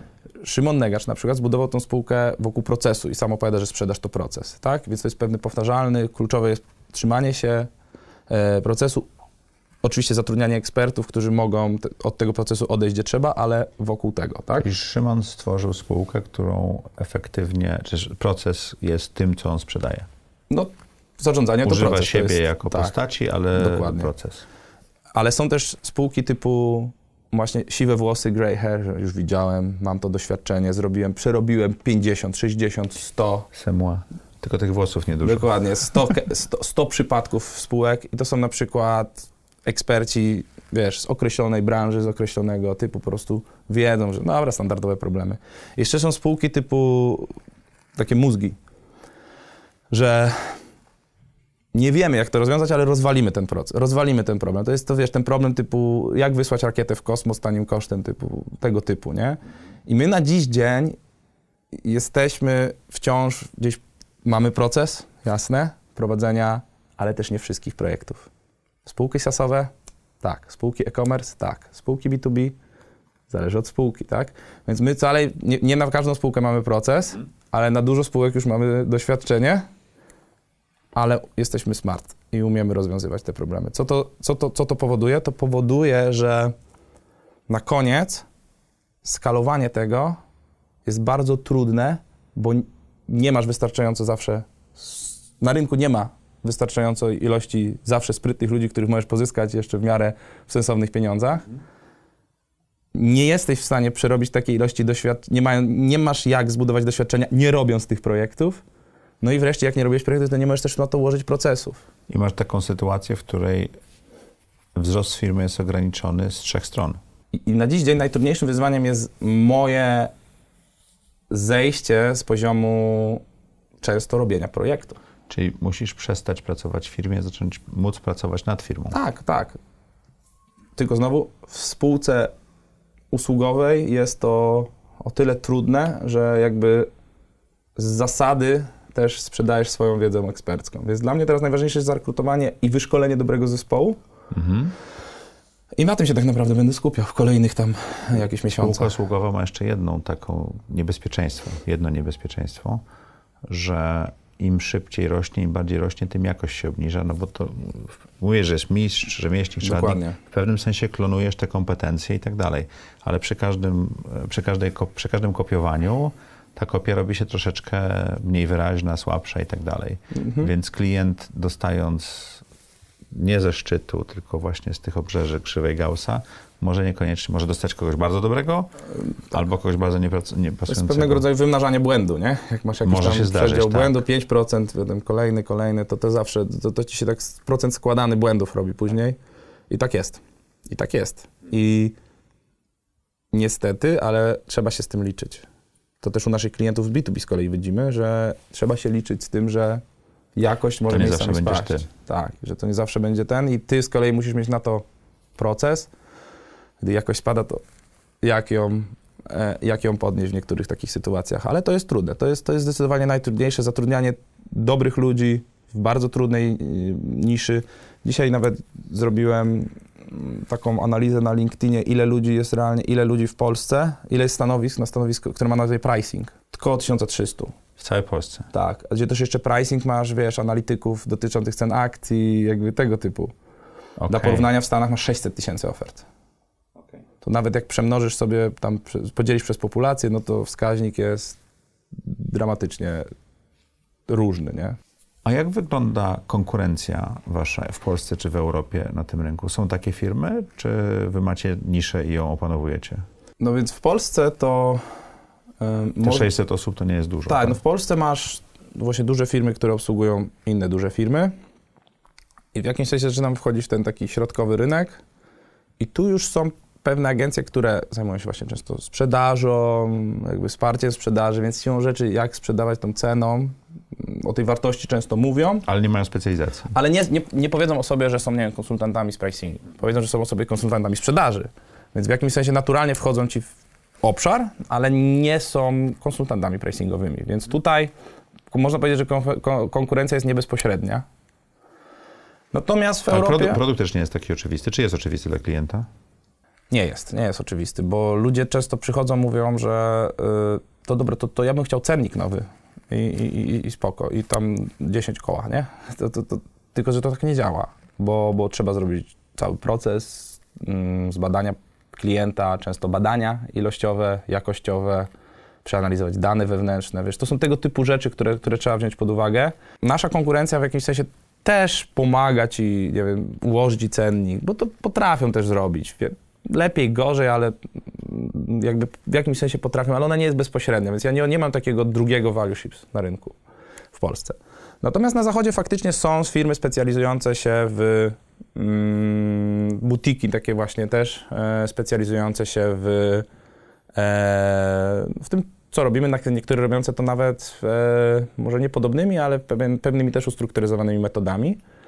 E, no ale rynki są oczywiście dużo większe, nie? Mhm. A wy teraz planujecie wyjść poza Polskę, tak? Czy już wychodzicie nawet? My już wychodzimy poza Polskę. My mamy tak, że wciąż jednak 60% klientów jest z zagranicy. Ale... 60% klientów? Y, znaczy z Polski, przepraszam, 60% okay. klientów jest z Polski, ale 80% przychodu jest w fakturach, y, w walutach obcych. Czyli nawet polskich klientów, którzy przecież mają globalne biznesy, fakturujemy w dolarach i w euro. Okay. Co oznacza, że te stawki się zrównują w jakimś sensie i dzięki temu mamy, mamy możliwość mm, budowania, jakby przez, przerzucania tego modelu bardzo szybko na zagranicę. A na zagranicę, no, to, tych realizacji jest trochę, oczywiście chcemy ich, żeby było więcej, ale powiem szczerze, mm, dla mnie jest, najtrudniejsze jest dla mnie wejście jako ekspert tam. To jest coś, nad czym się głowie. Ty nie jesteś odbierany jako ekspert? W Polsce tak. W Polsce jestem, W Polsce, jak ktoś zapyta o pricing na grupie, jest największy, bo duży problem, że ktoś mnie tam otaguje, więc to jest dla mnie taki ten tak zwany top of mind, tak? W głowie jestem e, mnie, albo Krzysztofa, albo nas. Najpewniej w takich, takich wszystkich tych grupach. Super. Więc w Polsce, w Polsce nie mamy problemu, ale za granicą to znowu będzie trzeba zrobić dokładnie to samo, co w Polsce, czyli konferencje, podcasty, wideo i tak dalej, i tak dalej. Oczywiście nasz własny content, który teraz też inwestujemy. No i z czasem, z czasem ten, ten, te relacje tak naprawdę będziemy, będziemy w stanie zbudować, ale jest to trudne. Bo czemu ja mam, wiesz, po prostu czemu ma mnie ktoś z Polski uczyć w ogóle pricingu? Jak jest w ogóle prawdopodobieństwo, że ty się na tym znasz? A jest problem z byciem z Polski, jak sprzedajesz do Europy Zachodniej? Czy do Stanów? Do Stanów jest. Ja tak uważam, że jest. Jak usług konsultingowych. A to chodzi o Europę czy o Polskę? Chodzi o Europę w ogóle, nie okay. o Polskę. Żebyśmy mieli jakby jasność. To chodzi o Europę że dlaczego ludzie nas z, z Europy. Europy. mają uczyć prowadzenia biznesu. My wiemy lepiej. No, bo wiedzą lepiej. Mhm. Jakby umiejętności związane z marketingiem, sprzedażą, pricingiem są na dużo większym poziomie niż w Polsce. Mhm. E, I to jest fakt. I to jest fakt, jakby jak poprowadzone są działy sprzedaży w Stanach i tak dalej. To jak zmieniacie zdanie klienta? Wiesz co, no, na koniec dnia w jakimś sensie bronisz się, bronisz się tym, jak sprzeda- jakby jak też podchodzimy w ogóle do procesu wyceny na przykład. Mhm. Bo my nie podchodzimy do tego. Oczywiście, jak jest jakaś mała, ktoś chce pokonsultować się, to, to mamy jakąś stawkę godzinową wyznaczoną na zasadzie takich szybkich, szybkich tematów, no bo ciężko się to wycenia. To jest jakby pewien mhm. skrót. Natomiast jeśli już jest większy, rozpisujemy większy projekt, no to zawsze wchodzi pewna taka przeddiagnostyka. Ile masz przychodów? Jakie masz przychody, jaki masz obecnie współczynnik odejść klientów, czyli czern. Jaka jest struktura tych przychodów? Jaka jest struktura, tak. W przypadku spółek sasowych, w przypadku spółek B2B, no to i, jaka jest koncentracja klientów, tak, jaki modelu sprzedajecie, subskrypcyjnym, projektowym. W przypadku e-commerce'ów znowuż, no jak duży jest wartość tego zamówienia, tego tak zwane średniej wartość zamówień, obrót, nie, ilość rzeczy w koszyku. I dla każdego typu biznesu, dla którego pracujemy, 7-8 metryk wystarczy nam do tego, żeby policzyć wstępną taką estymację, ile jesteśmy w stanie ci zarobić. A wy macie taki deal z klientami, że dzielicie się tym, co zarobicie, prawda? Bardzo często. Wolimy nie. Wolicie nie, a klienci są Ale... gotowi na takie rzeczy? Bo to mogą być y, kosmiczne sumy. Są. są. Chcą zawsze mieć success fee komponent. A potem się okazuje, że to jest dużo pieniędzy, tak? I właśnie my już mm, bardzo na tym etapie mówimy spoko, ale gdy dzielimy się ryzykiem, zdajesz sobie sprawę z tego, że my możemy wykręcić ci więcej niż mhm. to, co na początku obiecujemy. A czasami więcej niż firma jest w stanie przerobić, prawda? No, cenowo nie, nie, nie jesteś, jakby cenowo zawsze przerobisz, no bo to jest na końcu faktura, nie? To nie masz tam, że, że, że jesteś w stanie, my nie my generujemy dodatkowej sprzedaży lidów na przykład, nie? My generujemy ci po prostu finalną sumę na fakturze, nie? Więc to akurat przerobić, to oni z przyjemnością sobie to przerobią, tylko wiesz, na przykładzie spółki Software as a Service oprogramowania w chmurze subskrypcyjnej wiemy, że 10% z powtarzalnego miesięcznego przychodu da się podnieść. Mhm. Zawsze. Bez straty klientów, klientów. netto to się, się, się, się, się wyrówna. No ale co jak zrobimy 20-30? No i wtedy już te modele właśnie oparte na sukcesie nie są wcale takie, takie proste, nie? Mhm. Także, także ma, jesteśmy na to przygotowani, ale to jest dla klienta paradoksalnie koniec, koniec końców dosyć trudne. A z tym szewcem, co bez butów chodzi, to jak żeście ustalili swoje ceny? Bo, bo nie, nie, ma takich usług na rynku mhm. za dużo i trzeba było jakoś się dopasować. Skąd wiedziałeś, że za tyle możesz sprzedawać tą stawkę godzinową za konsultację czy, czy inne? No zatrudniliśmy firmę doradczą z Niemiec, która nam powiedziała, jak to zrobić. Nie, no oczywiście nie. nie, ale yy, nie, nie, aż tak, tak, tak nie było. Aczkolwiek jest taki żart yy, funkcjonujący w branży, że, Mac, że Boston Consulting Group zatrudnił McKinsey'a, żeby pomogli im zostać firmą konsultingową numer jeden na świecie. Okej. Okay. Ale nie, to in, yy, sytuacja wygląda właśnie w kontekście tego, co mówiłem, wyliczania od wartości.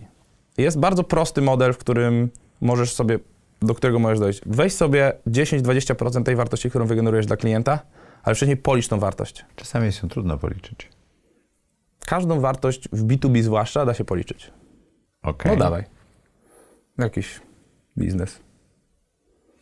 Wiesz, ja prowadzę mastermindy dla przedsiębiorców. Mhm. Mastermindy to są grupy, gdzie spotyka no się 10 osób raz w miesiącu Rozmawiamy o obszarach i problemach, często biznesowych, często życiowych. To są rozmowy bardzo poufne, e, pełna otwartość, więc z każdym spotkaniem coraz bardziej.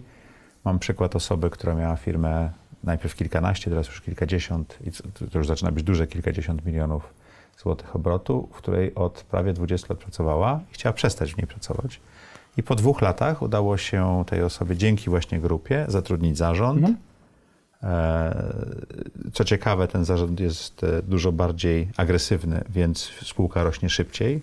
Bo jak masz swoją firmę, to mniej mm. podejmujesz ryzyko. A, a ta osoba 4-5 dni w tygodniu jest w stanie chodzić po górach, w weekendy z, z synem, a poza weekendem nie.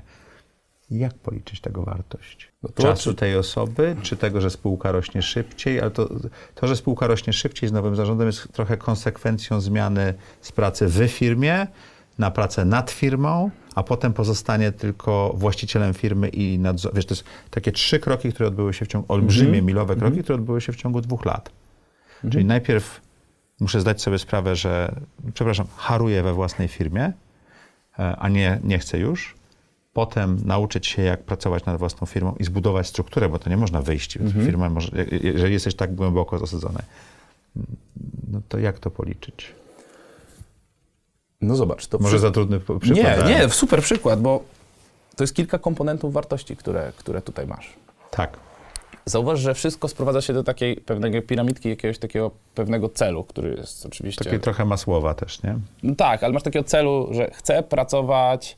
Mam dwa cele. Chciałbym, żeby ta firma się dalej rozwijała. I utrzymywała mniej rodzinę. Warunek jakby jeden brzegowy, a drugi chciałbym mieć więcej czasu.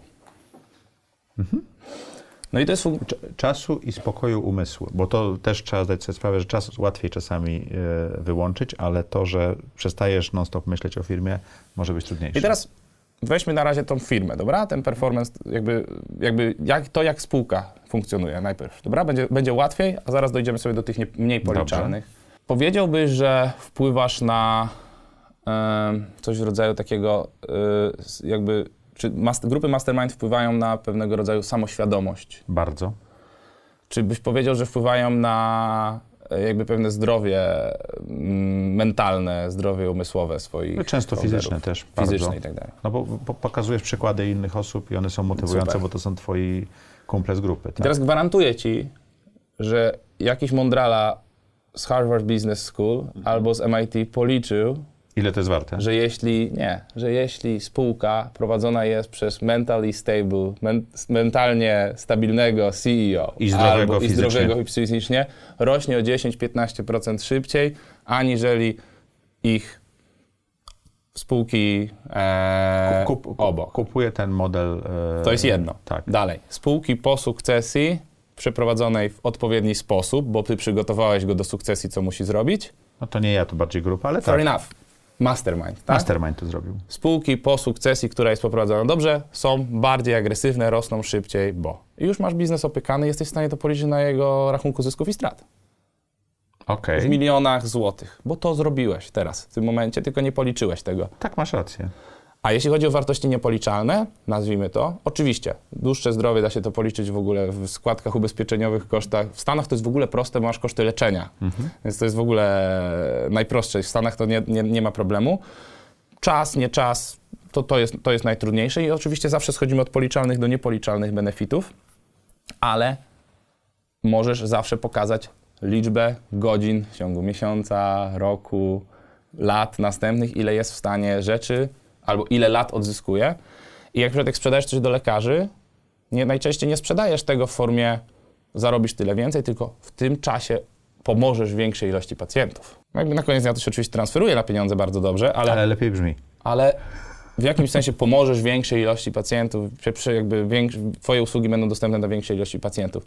Tu miałeś B2B, policzyliśmy bez problemu, tu miałeś B2C, gdzie zaczynamy mówić o emocjach, o uczuciach, o ego i tu jest trudniejsze, ale też da się przedstawić pewne określone benefity, nie? W B2B nie ma najmniejszego problemu, żeby to zrobić.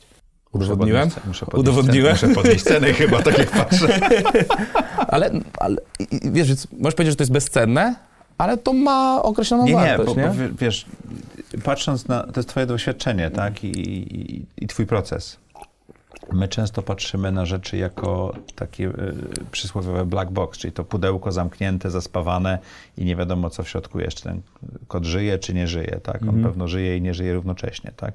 Jakbyśmy tutaj Schrödingera jeszcze dodali.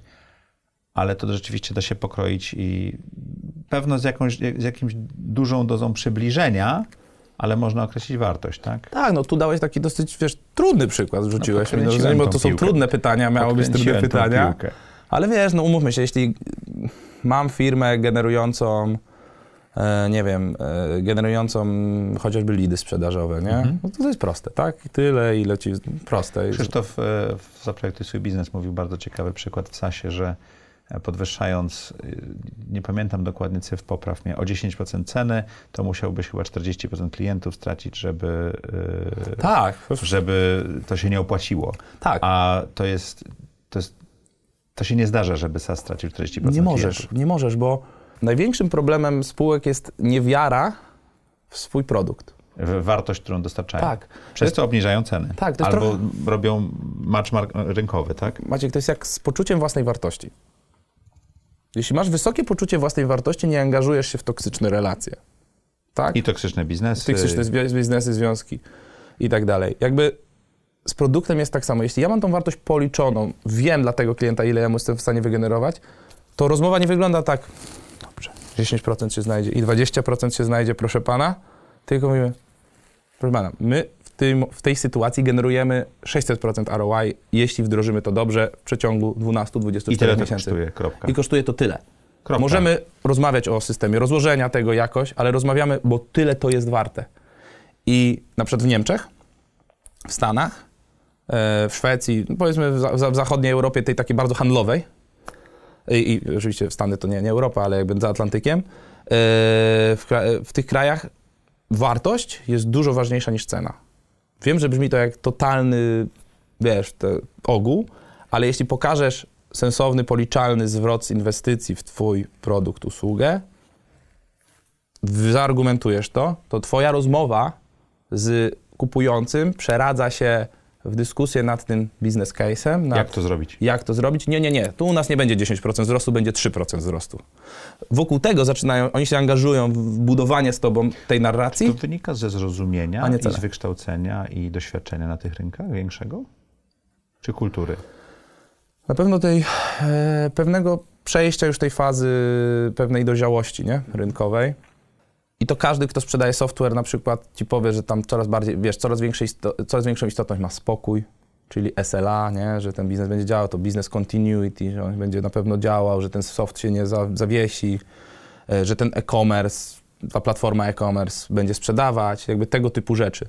Więc y, to wynika, że zaczynamy patrzeć na nieco innych rzeczach widzimy wartość niż stricte w samym już tylko produkcie, który, który jest oczywisty, bo dzisiaj każde oprogramowanie oszczędza czas, tak? No jakby cała zasada oprogramowania na przykład polega na tym, żeby oszczędzać czas. Każda w ogóle, a każda zasada spółki usługowej ma w zasadzie też oszczędzać, jakby oszczędzać ci czas lub jakieś benefity związane z twoim czasem, no bo to jest trochę oddajesz też odpowiedzialność za niektóre rzeczy. Więc na koniec dnia to jest bardzo prosta propozycja, więc teraz musisz szukać głębiej w innych miejscach, w których faktycznie to robisz.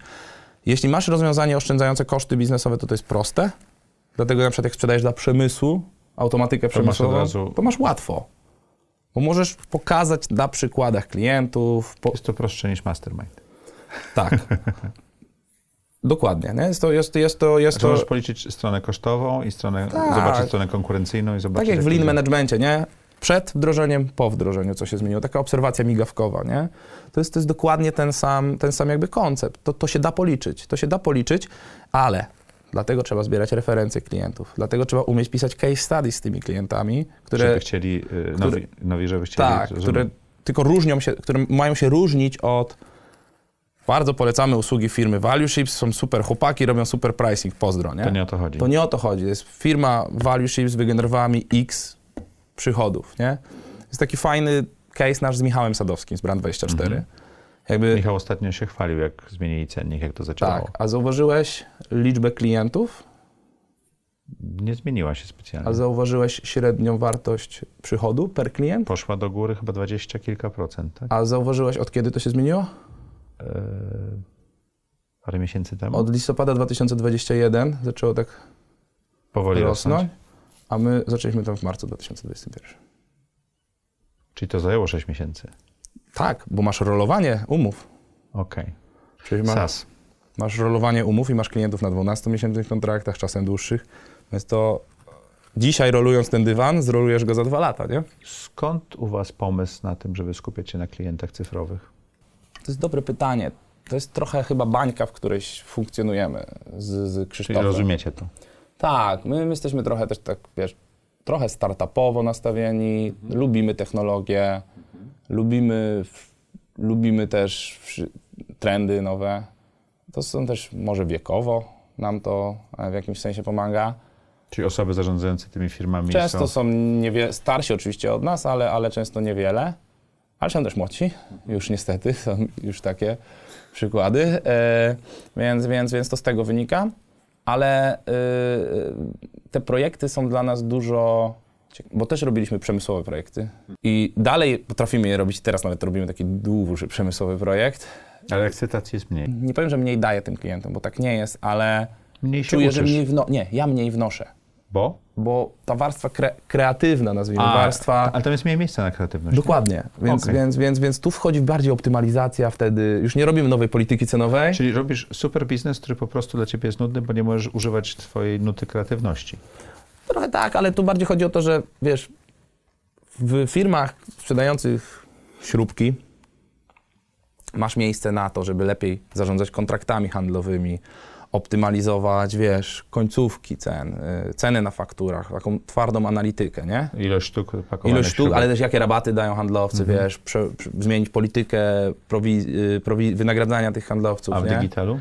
A w digitalu to czym chata bogata, nie? Tak naprawdę każdy model może być nowy. No dzisiaj masz AI, tak? Oczywiście musimy, jest, jest maj 2020. AI był Czy- bardzo długo, ale od kiedy chat GPT się pojawił, Tak. to też... Tak, tak. Ostatnio widziałem takiego mema na LinkedInie e, e, z pitchem jakiegoś startupu, to było AI, AI, AI. Nie, no to jest prezes Google'a.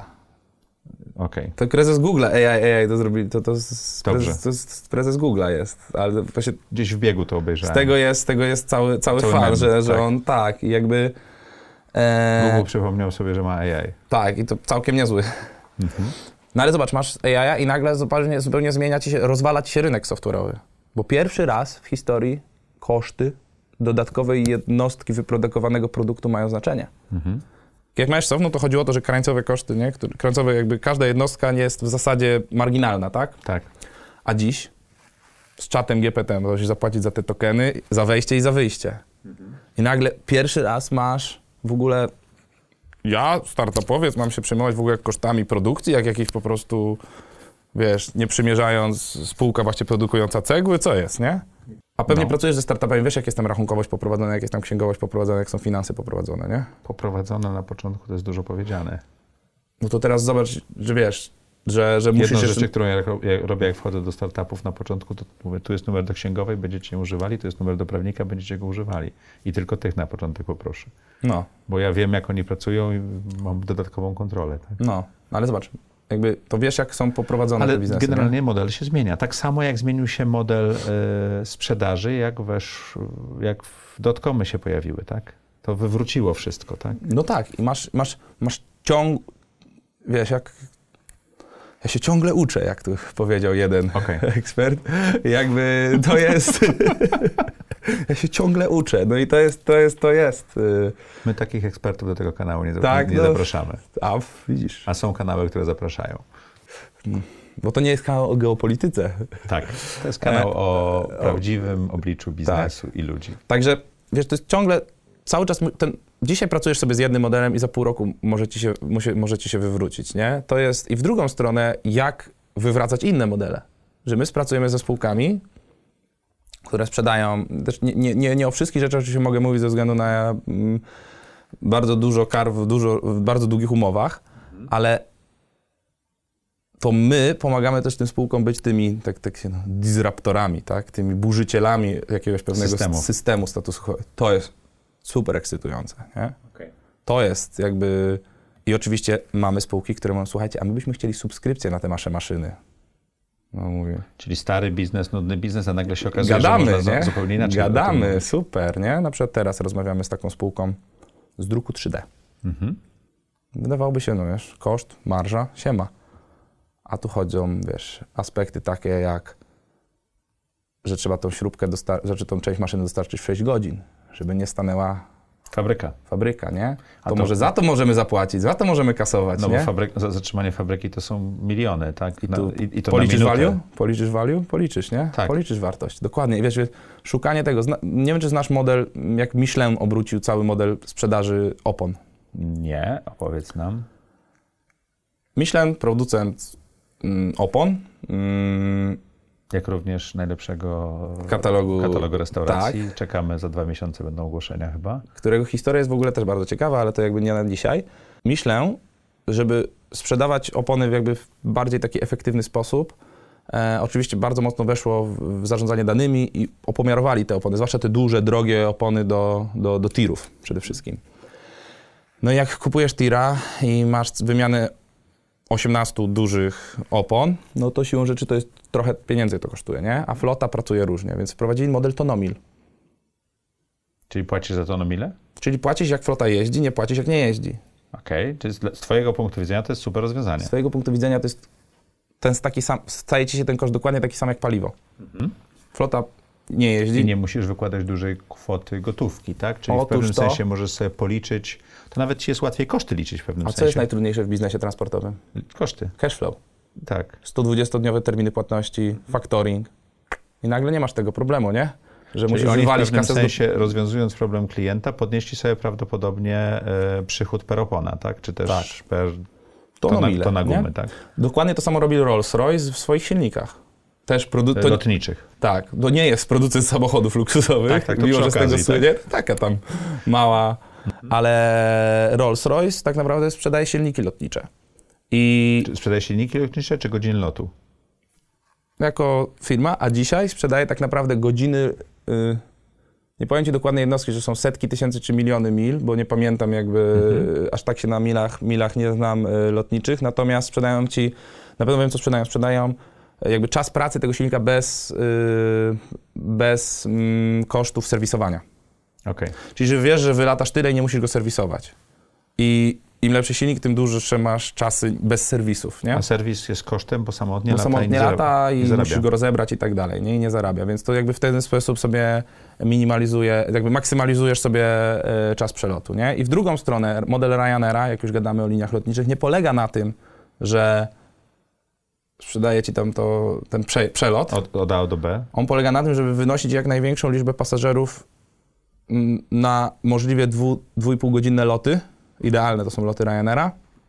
Po to, żeby im nawciskać tego, co jest na pokładzie do sprzedania. A czemu 2,5 godziny, nie dłuższe? No bo wtedy ludzie zaczynają się już nudzić.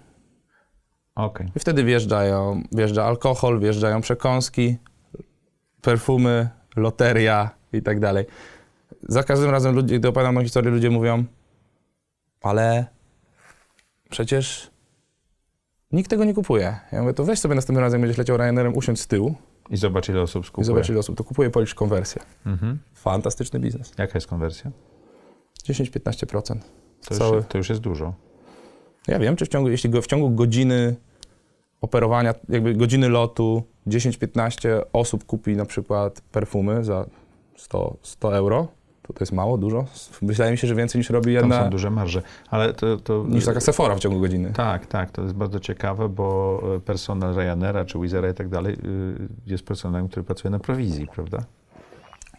No to już wiesz To, czemu. To, czyli to są sprzedawcy. No. Oprócz tego, że są os- osobami odpowiedzialnymi za bezpieczeństwo i Masz mieć komfort. lot, ma być na zero, a zarabiasz na tych wszystkich, na bagażach oczywiście, na tych takich dodatkach, wiesz, priority boarding to oczywiście też, ale zarabiasz na takich rzeczach. No i to są fantastyczne modele, nie? Rozwalające tak naprawdę całą branżę lotniczą. No bo branża do tej pory chciała zarabiać na locie. Dokładnie. Macieju, nie wiem, czy jesteś gotowy, ale w audycji Zaprojektuj swoje życie następuje taki moment, kiedy zadajemy 10 pytań i one nawet mają taki hashtag trudne pytania. Jak słuchałeś odcinków, to może dosłuchałeś do tego momentu i tam wchodzimy dość głęboko. Gotowy jesteś? Muszę być, skoro tu siedzę, nie? No dobra. Czy możesz opisać najlepszą decyzję, jaką podjąłeś w życiu? No zdecydowanie to będzie moje małżeństwo Mhm. i dzieci.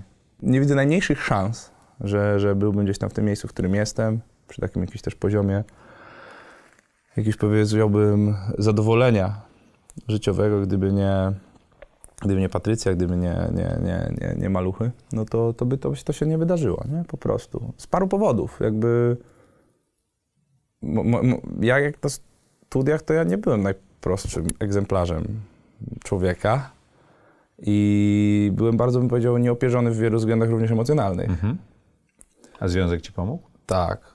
Związek, jak, związek, jakby świadomość, terapia, tak, tego typu rzeczy, to, to, to, to otwiera bardzo mocno e, na, na to w ogóle, jak sobie z pewnymi rzeczami, z pewnym takim pewnym długiem życiowym, który masz sobie radzić, nie? Wiesz, na mojej prezentacji na InfoShare w przyszłym tygodniu będę właśnie mówił o tym, czego nauczyłem się z tych 200 plus rozmów.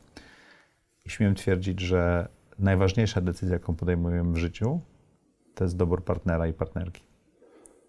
Mhm. Więc Zgadzam się, Scott Galloway właśnie znowu do niego przytoczę, mówi, że najważniejszą decyzją życiową jest to, z kim masz dzieci. do, tak, Że, że, że nawet, bo wiadomo, w związkach bywa różnie, ale to, z kim masz dzieci, z jakiego typu osobą masz dzieci, determinuje ci całe tak naprawdę twoje życie. No to jak macie, macie się rozstaniecie, to dalej możecie, możesz mieć, masz, jakie masz relacje z dziećmi i tak dalej. Więc to nawet jeszcze, jeszcze on idzie to trochę, zakłada pewien jakby bufor na, na, na, na niepowodzenia pewne, ale totalnie się z tym zgadzam. hmm, muszę zmienić slajd. Ale zauważ, nie? Że, że to, z kim masz dzieci, nie? Tak. Czy możesz opisać, co daje ci najwięcej energii czy satysfakcji w życiu? Prywatnie to jest zdecydowanie, jak mam aktywny dzień. Mhm. Czyli ja się zawsze śmieję, jak jest 10 tysięcy kroków, to, jest, to był super dzień, bo najczęściej coś robiliśmy rodziną, albo gdzieś wyszliśmy, może na jakieś rowery, może, może coś tego typu, ale też był taki dzień, w którym coś się działo. Było pewne, Był ruch. był ruch, ale było też tego pewnego rodzaju takie jakiegoś, może nawet tempo, tak, że musiałem pojechać, coś zrobić, gdzieś wystąpić często, nie? To to jest, jest, jest, jest, jest taki dzień, bo, bo, bo bo to jest taki mier... On się bardzo koreluje z różnymi rzeczami, ze spędzonym czasem. Często jesteśmy na wakacjach wtedy, nie? Jak jesteśmy z właśnie... E, bo to znaczy, że spędziliśmy czas razem najczęściej, nie? Bo to jest totalnie, totalnie byś powiedział, że jak jest 10 tysięcy kroków u mnie, to zawsze to związane jest właśnie z aktywnością z rodziną, z, albo też jako jakąś swoją, nie? To, albo czymś, co jest w miarę bardziej inspirujące, a nie nudne, to to jest jakby, a biznesowo będę próżny, ale jak mamy rozmowę z klientem po projekcie i klient, teraz z Holandii mieliśmy takiego klienta, gość przygotował na swoich, wiesz, slajdach, na swoim template'cie cały business case, jak zaczynał ten biznes, w sensie od projektu, od którego startowaliśmy, miał dużo problemów ten projekt, również z naszej winy, że gdzieś tam, wiesz, terminowo się roz, rozjechało, analizy mieliśmy trudne, bo one, musieliśmy dużo razy je powtarzać, bo tam nie wszystko się, wiesz, to, to są dane, to Też nie on zawsze wszystko- pokazał?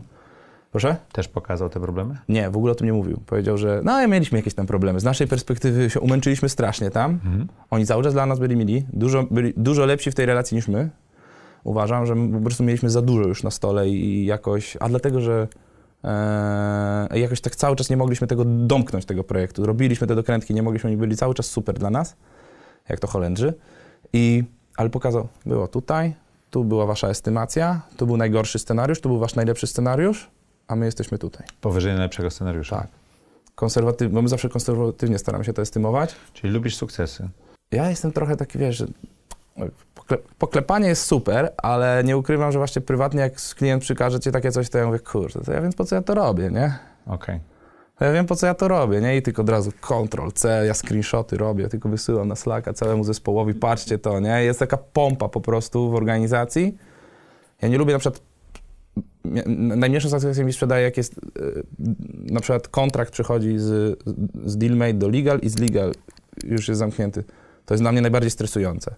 Bo znaczy, że zaczynamy, że bierzemy Trzeba u klienta dług. Tak. Bo ja biorę u klienta dług w tym momencie. Ale jak ja okazuje się, że spłacam ten dług, Z nawiązką. no. Tak zresztą widzisz, tą relację też są zakładanie tej spółki, nie? Jak już się z tego oddaję ten dług, który, który wziąłem, to czuję, że, że, że uff, jeszcze z nawiązką to w ogóle jeszcze ktoś zarobił na relacji ze mną i, i też, wiesz, wzmocnił firmę, mental tak naprawdę swój, nie? Mm, To jak, sprzed, jak, jak, jak podchodzi do cen, jak, jak, jak zwiększyło mu się, kurde, ale mamy produkt, nie? To gdzie my byliśmy przez te trzy lata, nie? Jakby zdaje sobie z tego sprawę i o tym opowiada i sam robi na przykład rzeczy, żeby ci, że, i ci podpisuje, że pewnie do publikacji, nie? A są, wiesz, wrażliwe dane, nie? Ale jest tak zadowolony. Bo wiesz, mówię, zadowolony klient to zawsze komuś dasz testimonial, ale Mówiliśmy dużo o wielu rzeczach, ale nie o Twoim stylu pracy. Jak wygląda Twój typowy dzień pracy? Typowy dzień. Wiesz, no chciałbym powiedzieć, że wstaję o 5 rano, wchodzę do, Robię jogę i tak dalej. wchodzę do zimnej wanny, em, wiesz, nie piję alkoholu, nie Ale palę. nie, nie, nie, stop, stop, stop. To, to, to jest zaprojektuj swoje życie. Tutaj nie- nie Wchodzimy rob- do nie- wanny, tak? To mi się zdarza raz na, mam wielką wannę, wchodzę raz na kwartał, bo po prostu, nie wiem, wolę prysznic chyba. E, nie robimy Wim Hofa tutaj i tego typu rzeczy. Jak ktoś robi, to super, bo to działa.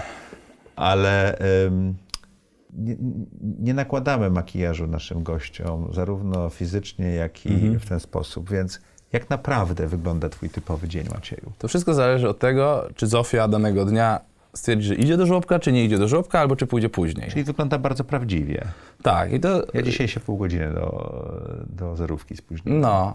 I to jest od tego zależy, że ona dzisiaj, ona ma taką manierę, którą z moją mamą się śmieje. Ona mówi, już tylko.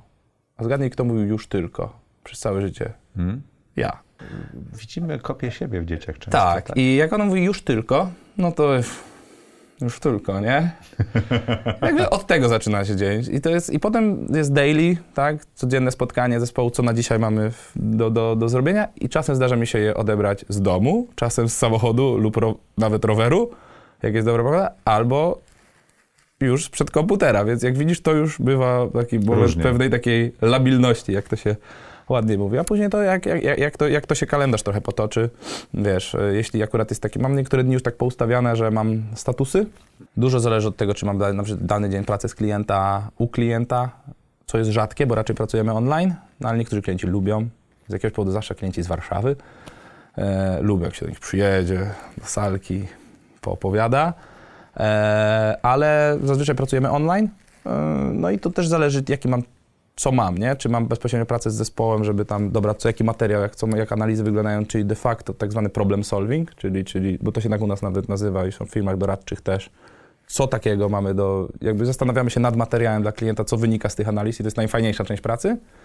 Ale też taka, czy mam na przykład warsztat do poprowadzenia, nie? Po prostu nauczenie, przekazania tej wiedzy, czyli taka trochę część szkoleniowa, jakby nie było, nie? Także to zależy od, od tego, co mam na dany dzień ustawione. Czasem to jest oczywiście dzwonki, sprzedaż, ale dużo na spotkaniach i trochę wolałbym tak pracować, żeby już na przykład nie musieć na koniec dnia siadać jeszcze do materiału lub do maili lub do jakichś rzeczy. Czego się nie da. Zastanawiam się, właśnie muszę się Ja, zastanowić, ja jak wszystkim to... mówię, że nie czytam maili, oni i tak piszą, a ja na maile mam czas dopiero bardzo wieczorem albo bardzo rano następnego dnia. No, to się zastanawiam, jak to zrobić, nie? Właśnie to jest, to jest gdzieś najtrudniejsze chyba, nie? Jak O zrobić? której kończysz pracę? Ostatnio w miarę normalnie, tak 17.30, 18. Jak mło- młoda zaśnie, to, Jeszcze pracujesz? to tak z czasem siądę, 22, sobie jeszcze do, do, Masz dokręcę jeszcze coś. energię mentalną o 22, żeby coś robić? Z miesiąca na miesiąc coraz mniej. Powiem ci wprost, że kiedyś to mogłem, jak w Macu pracowałem, to panie, do czwartej, ty, trzy tygodnie na projekcie, do czwartej nad ranem dało radę robić, nie? Ale wiesz, dwie rzeczy się zmieniły. No. wiek i dziecko. Tak, i, ale już teraz czuję, że jeszcze do, do północy jest jeszcze spoko i nawet czasem jest cisza. Ja jestem też strasznie roz, ro, rozpraszaczem, nie bardzo mocno, mimo że walczę z nimi, wiesz, tu Mhm. usunę aplikację, tu coś, tu coś, ale cały czas nie, nie, nie coś, ja nie, mam duży problem z tym, z tą, z tą pracą głęboką, ale jak już siądę do 22, to zawsze do tej, i mam coś do zrobienia dla klientów, wtedy najlepsze materiały też przychodzą, nie? Ja tak jestem sowa, nie? Czy jest coś, co mógłbyś przestać teraz robić, co by poprawiło twoje samopoczucie albo spowodowało twój rozwój? Przestać. Mhm. Wiesz, bo to jest łatwo, na, ciągle myślimy o tym, co dołożyć na ten, na ten talerz czy Mhm. patelnię. Nowa aplikacja, nowe rozwiązanie, nowy sposób oddychania. A magią jest to, co zdjąć. Nie wiem, czy to się przyklina, czy się nie przyklina. Dajesz. Ale chyba ten pierdolony telefon, wiesz? Ten smartfon zasrany, to jest najgorsza rzecz na świecie. Tego ja, tego klikania, nie? Ja, ja tego, ja nie mogę tego, nie, cały czas jest to, to FOMO, nie? Ten, ten, to uczucie tego, że, że, że ten strach przed stratą czegoś, to jest coś, czym najbardziej chyba, to jest chyba coś, co, co mi najbardziej rozwala dzisiaj e, mój taki, no dużo, dużo rzeczy, najbardziej, nie? Miron Mironiuk na impakcie ze sceny powiedział bardzo fajną rzecz, którą ja wdrożyłem parę lat temu, ale teraz zmieniłem telefon i oczywiście wszystkie apki się na nowo zainstalowały. Od, on odinstalował wszystkie aplikacje społeczne, e-maila i ma do nich dostęp przez y, przeglądarkę. Ale to powoduje, że masz taką barierę wejścia w pewnym sensie i to nie jest tak dobre doświadczenie, co powoduje, że nie robisz tego. Tak, to prawda. I nie siedzisz na kibelku 15 minut, tylko tyle, co trzeba. Dokładnie, to bym daj, próbowałem, a potem Nie? było zawsze, a to wtedy cyk, onecik, cyk, wiesz, no wtedy, no Twittera mam, nie mam, ale wiesz, przez, przez przeglądarkę wejdę, jakby to trochę jak, wiesz, nau- to jest nauk, To jest nauk, to jest, To jest dopam- to jest nauk. głód dopaminowy. Tak? to jest nauk i, i, i, i, i, i dokładnie tak jak z, wiesz, z, ze wszystkim, znajdziecie sobie jakiś taki sposób na to, żeby, a, wiesz, jedno piwko, nie, a przecież nie, nie, żeby coś tam, wiesz, wiesz rozumiesz, to zawsze Tak. sobie znajdziesz jakiś sposób i zdecydowanie to jest taki gdzieś dla mnie, wiesz, już jakiś koszyczek nawet mamy w domu, nie, że wrzucamy, ale dalej jest ten taki, e, no dalej jest ten, problem. Staramy nie- się nie w rodzinie, A z kolei ale, nie da się bez telefonu, bo Hatalska zrobiła taki eksperyment, że tam chyba miesiąc czasu było bez telefonu. ale na Spitsbergenie, to jest co innego. Nie, ona to w, w, w Gdańsku Tak? zrobiła. Aha, w tak. Gdańsku.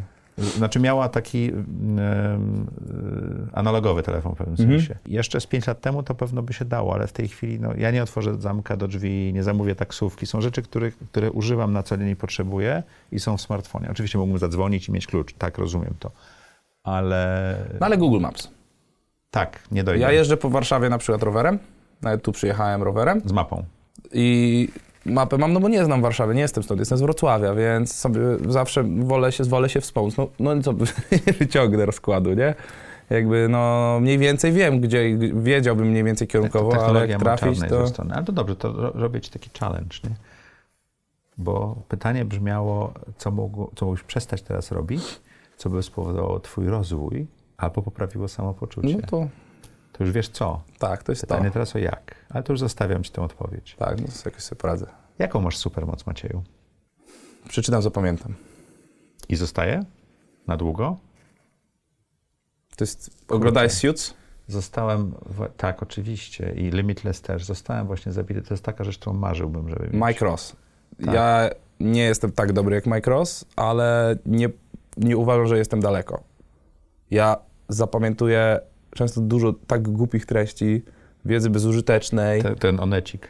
No, Monecik nie, ale wiesz, czy tam wiesz, że, kiedyś, nie wiem, wiesz, jaka była nagroda Darwina, jakieś takie rzeczy, wiesz, Okej. może bez jakichś dat, bez takich tytułów. Nie jestem tak dobry, ale zapamięty fakty, zapamiętywanie faktów, cyfr, wszelkie masie właśnie benchmarków jakichś rynkowych, jakichś takich rzeczy, jakichś reguł To pomaga w kciuka. twoim biznesie niesamowicie.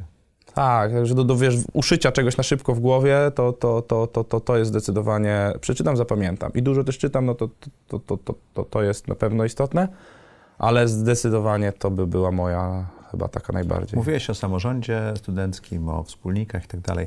Osoby, którymi się otaczają, mają na nas olbrzymi wpływ, bo odbijamy od nich myśli, z tych myśli tworzą się słowa, z tych słowa, słów tworzą się czyny, a z czynów mamy otaczającą nas rzeczywistość. E, parafrazując Gladwella. E, jak budujesz swoje wewnętrzne kręgi? Czy budujesz je świadomie, czy one się po prostu zdarzają, czy coś innego? to na początku chyba też mówiłem o tych pewnych e, przypadkach, nie? Które, Mhm. które, które się pojawiają. Wiesz, tutaj ktoś mi coś podrzucił, tu pani prowadząca mm, była bardzo, bardzo ciekawa, więc się tym zainteresowałem.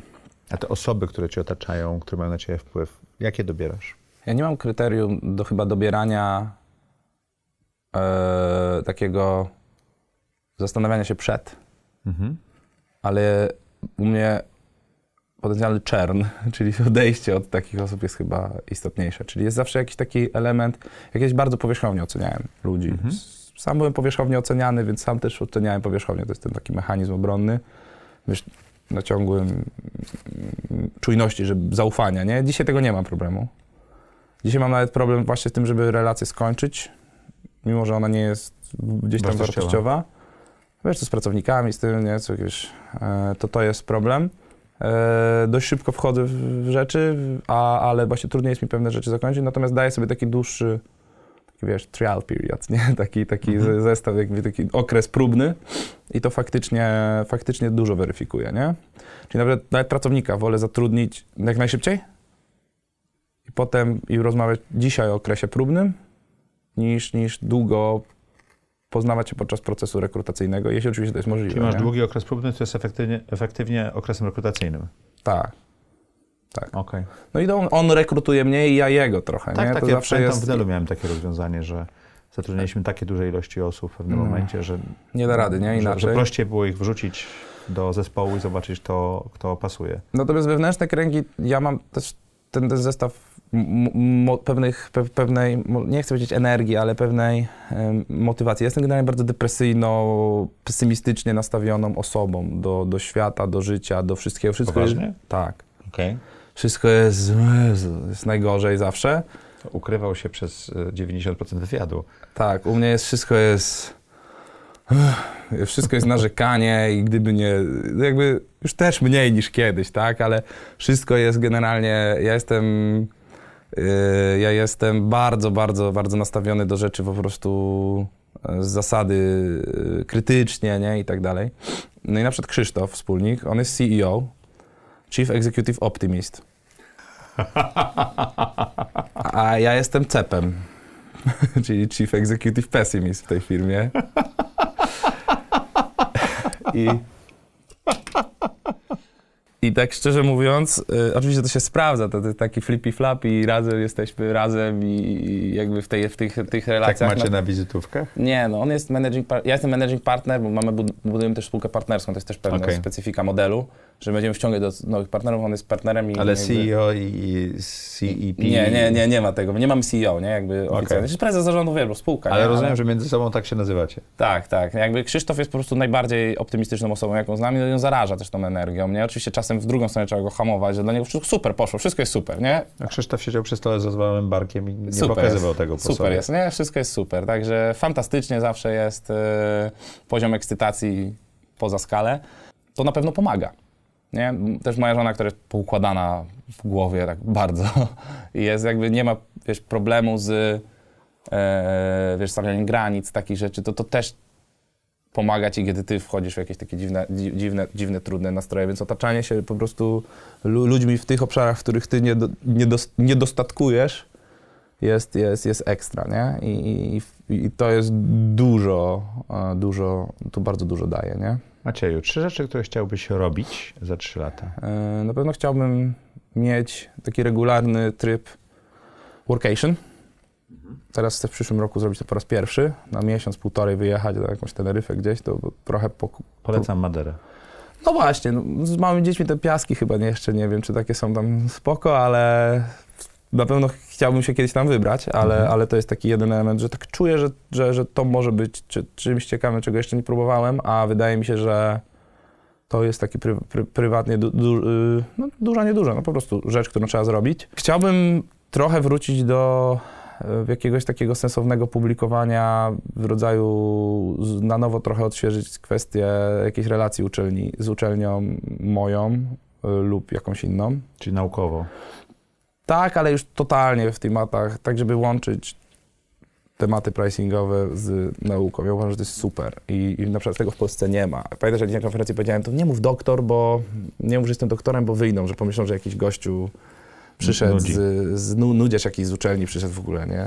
Ale wiesz co, to, to w Polsce może nie jest, ale jeżeli spojrzysz na biznesy, szczególnie w Stanach Zjednoczonych, ale w Wielkiej Brytanii też, to jest normalne, że one, ta, ta, ta część naukowa się przeplata z Tak. biznesową tak naturalnie. No i ja chciałbym, że dzisiaj nie czuję, że to dodaję, ale chciałbym jednak cały czas, wiesz, pchać ten, ten, e, pchać to trochę do przodu, jeśli chodzi o właśnie zazębienie w ogóle spółki z nawet z, właśnie z nauką. Simon Kucher Partners, taka spółka jest z Niemiec, Pricing Man, może kojarzysz książkę, He- Herman Simon, to on, to jest właśnie największa, to jest największa firma zajmująca się pricingiem w ogóle na świecie, doradcza, wyspecjalizowana mocno. I on założył ją w bond ze studentami swoimi. I od nauki do biznesu, od biznesu do nauki. To jest fantastyczna symbioza, która bardzo mocno też pcha całą, wiesz, jakby mm, i czego w Polsce nie ma jeszcze. Może będzie kiedyś, oby. E, więc, więc to jest na pewno, chciałbym do tego gdzieś wrócić, do, do, do właśnie publikowania częstszego, albo, ale bardziej sensownego. Okej. No i trzecia, gdzie zawodowo chciałbym, żebyśmy w Value Ships odeszli trochę od pricingu, nie? Czyli rozszerzyli, czy odeszli? Tak, nie odesz, w sensie odeszli w rozumieniu, zeszli w tak zwane praktyki, nie? Okej. No Czyli pricing stanie się jedną z praktyk. po prostu jakiś value ships group nazwijmy, albo value ships and company, nieważne jak sobie to nazwiemy, czy w ogóle Mhm. wymienimy.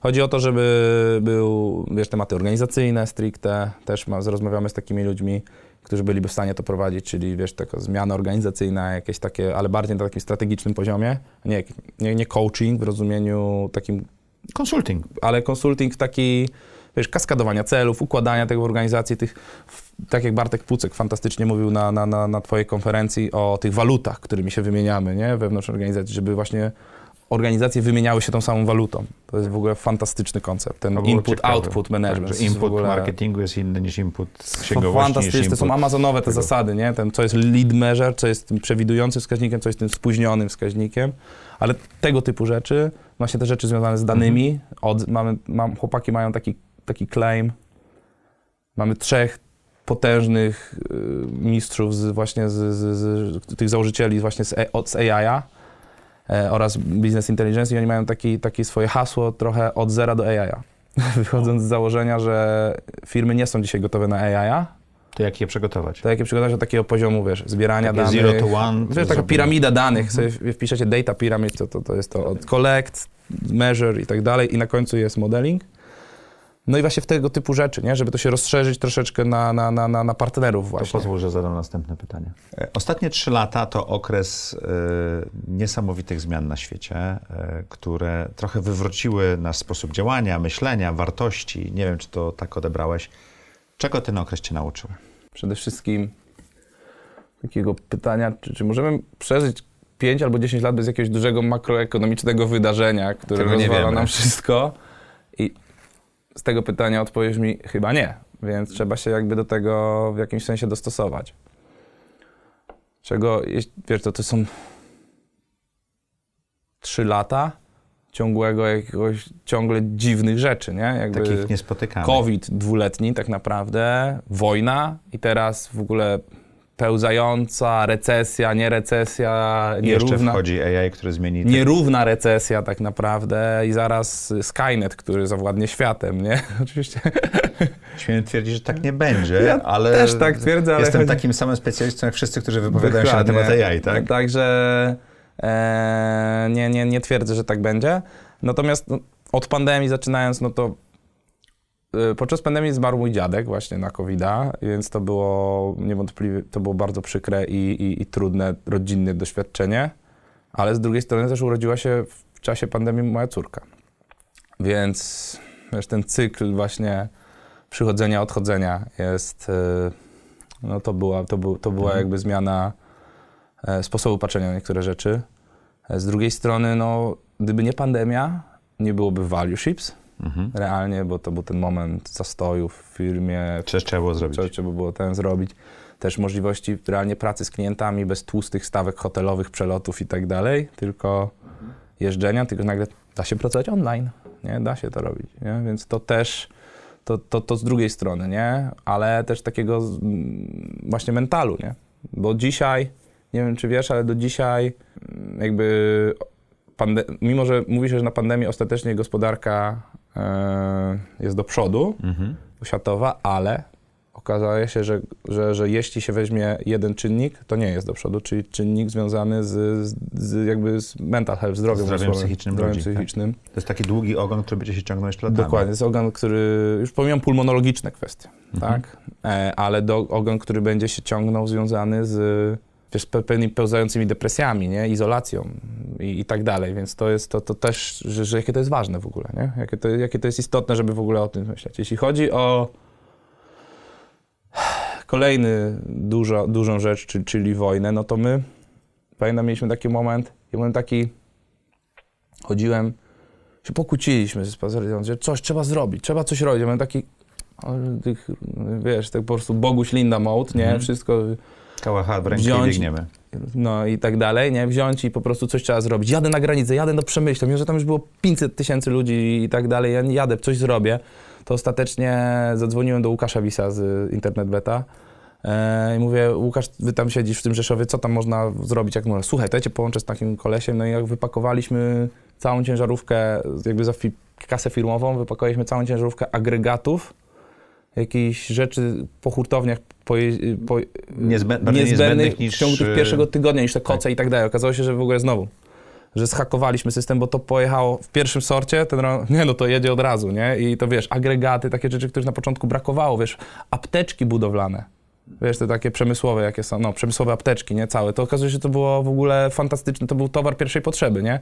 My wypakowaliśmy ten całego busa, no to był taki moment takiej, takiej takiej próby zrobienia czegokolwiek w tym wszystkim, nie? Takiej, bo inaczej miałeś taką totalną bezsilność, nie? Ja pamiętam, młoda wtedy bardzo słabo spała, nosiłem w tulince tak zwanej, e, w nosidle i, i, i oglądałem, jak ten Kijów bombardują, nie? I ja miałem takie poczucie takiej bezsilności totalnej, ale później też właśnie takiej euforii, nie? Absolutnej, że kurczę, że jednak tam tego, tego, tego, tego, mm, te czołgi tam, wy, że dają radę, nie? I później przez cały czas śledzenie, ja do dzisiaj śledzę tak naprawdę regularnie, raz w tygodniu, tam Jarek Wolski oglądany jest i ten, ale też właśnie z drugiej strony mm, to pewnie może w komentarzach, bo są tacy, co i lubią, ja zauważyłem, jak bardzo niewiele znaczący są niektórzy eksperci, którzy byli bardzo, wiesz, przed różne, różne, różne osoby piszące książki o wielu armiach nowego wzoru i w ogóle nagle się okaże, że to taki bullshit totalny. I, i, i jest, jak to się mówi, jesteś tak dobry jak twoja ostatnia prognoza, nie? Albo jesteś tak dobry jak twoja ostatnia, e, jak jesteś tak dobry jak twój ostatni mecz i się nagle okazuje, że po prostu to, to wiesz, takie kreowanie tych marek osobistych, dla mnie to był taki po prostu moment, kiedy maski spadły. Mhm. I też spadły wielu, wiesz, ludziom w polityce, nie w polityce, wielu znajomym nawet, wiesz, którzy, no co ty w ogóle, nie, w ogóle, wiesz, moje, znowu, znowu moje, moją... A czy to nie jest tak, że te trzy lata zradykalizowały nasze patrzenie na świat i na ludzi? Ono było już spolaryzowane wcześniej.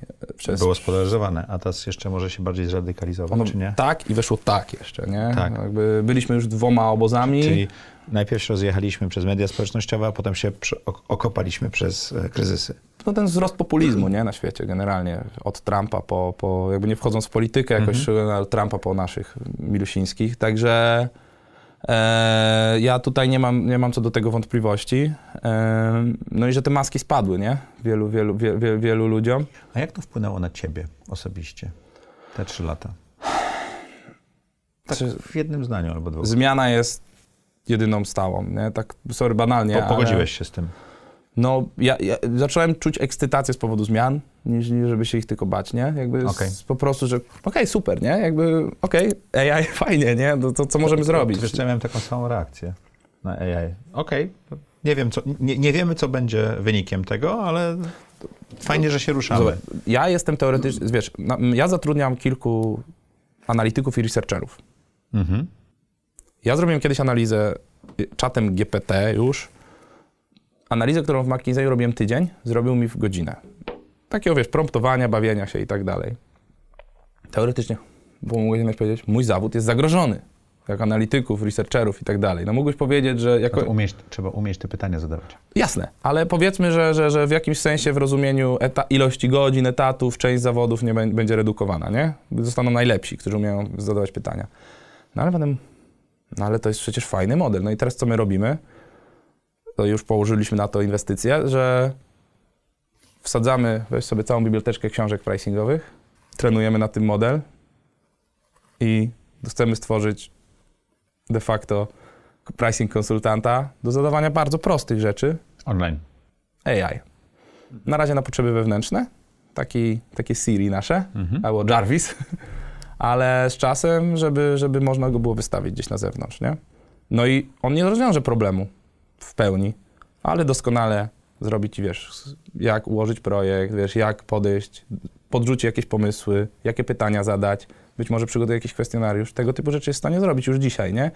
Więc jak sprawić, żebyśmy się stali trochę jako, jako ludzie pracujący w firmach usługowych, czy w ogóle ludzie, w jakimś sensie ten taki enhancement zrobić, to jakby trochę, może nie chcę powiedzieć cyborgami. Ale możemy być bardziej kreatywni wtedy, nie? Właśnie nie, on nie jest kreatywny. Nie, ale my możemy być kreatywni, bo te rzeczy odtwórcze, że musisz przeczytać wiele książek i je streścić i zrobić, można zlecić maszynie, która zrobi to lepiej.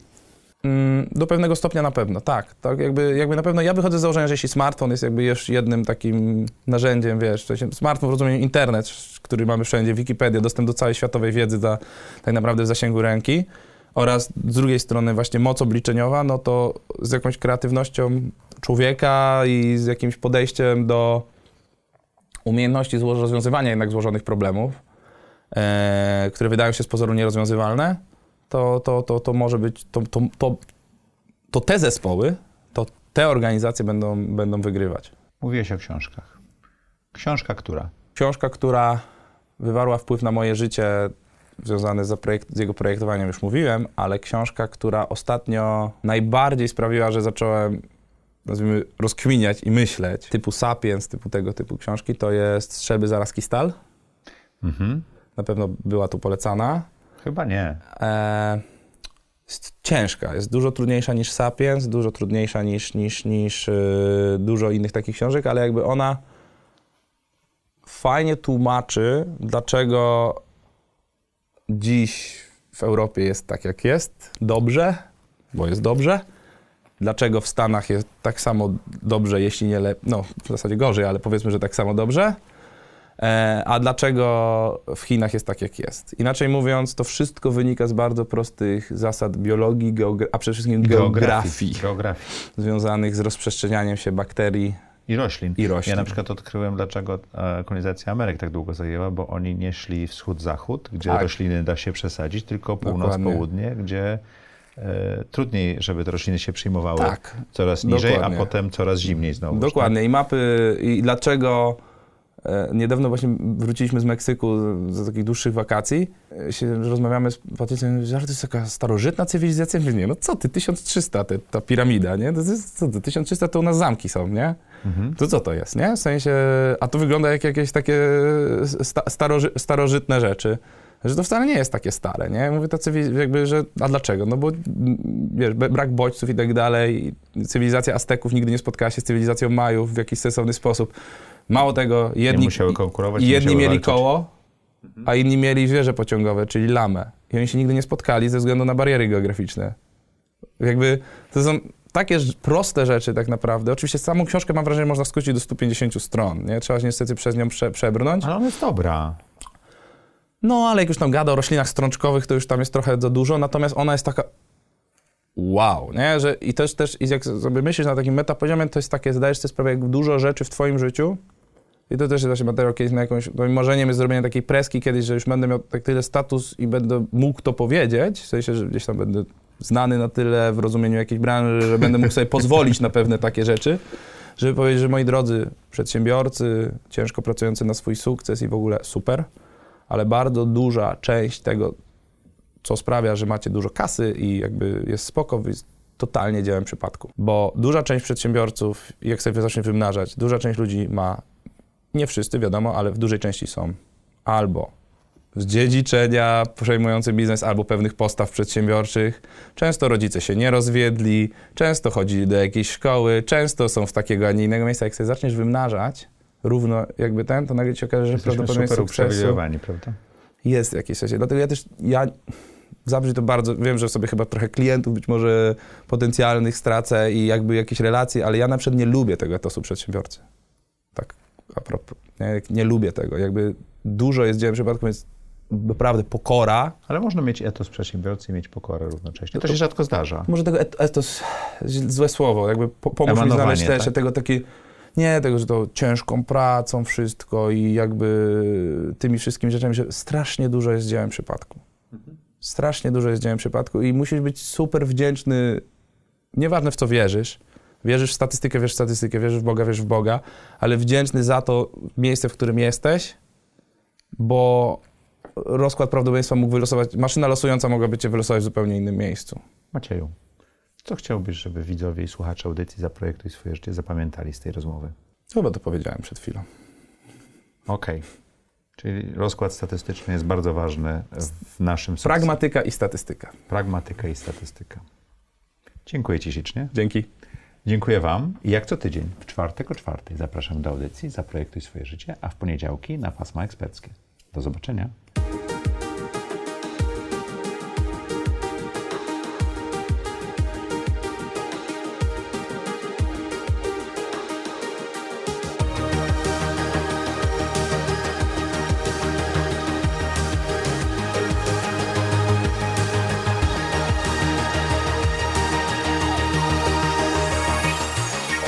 Zaprojektuj swoje życie.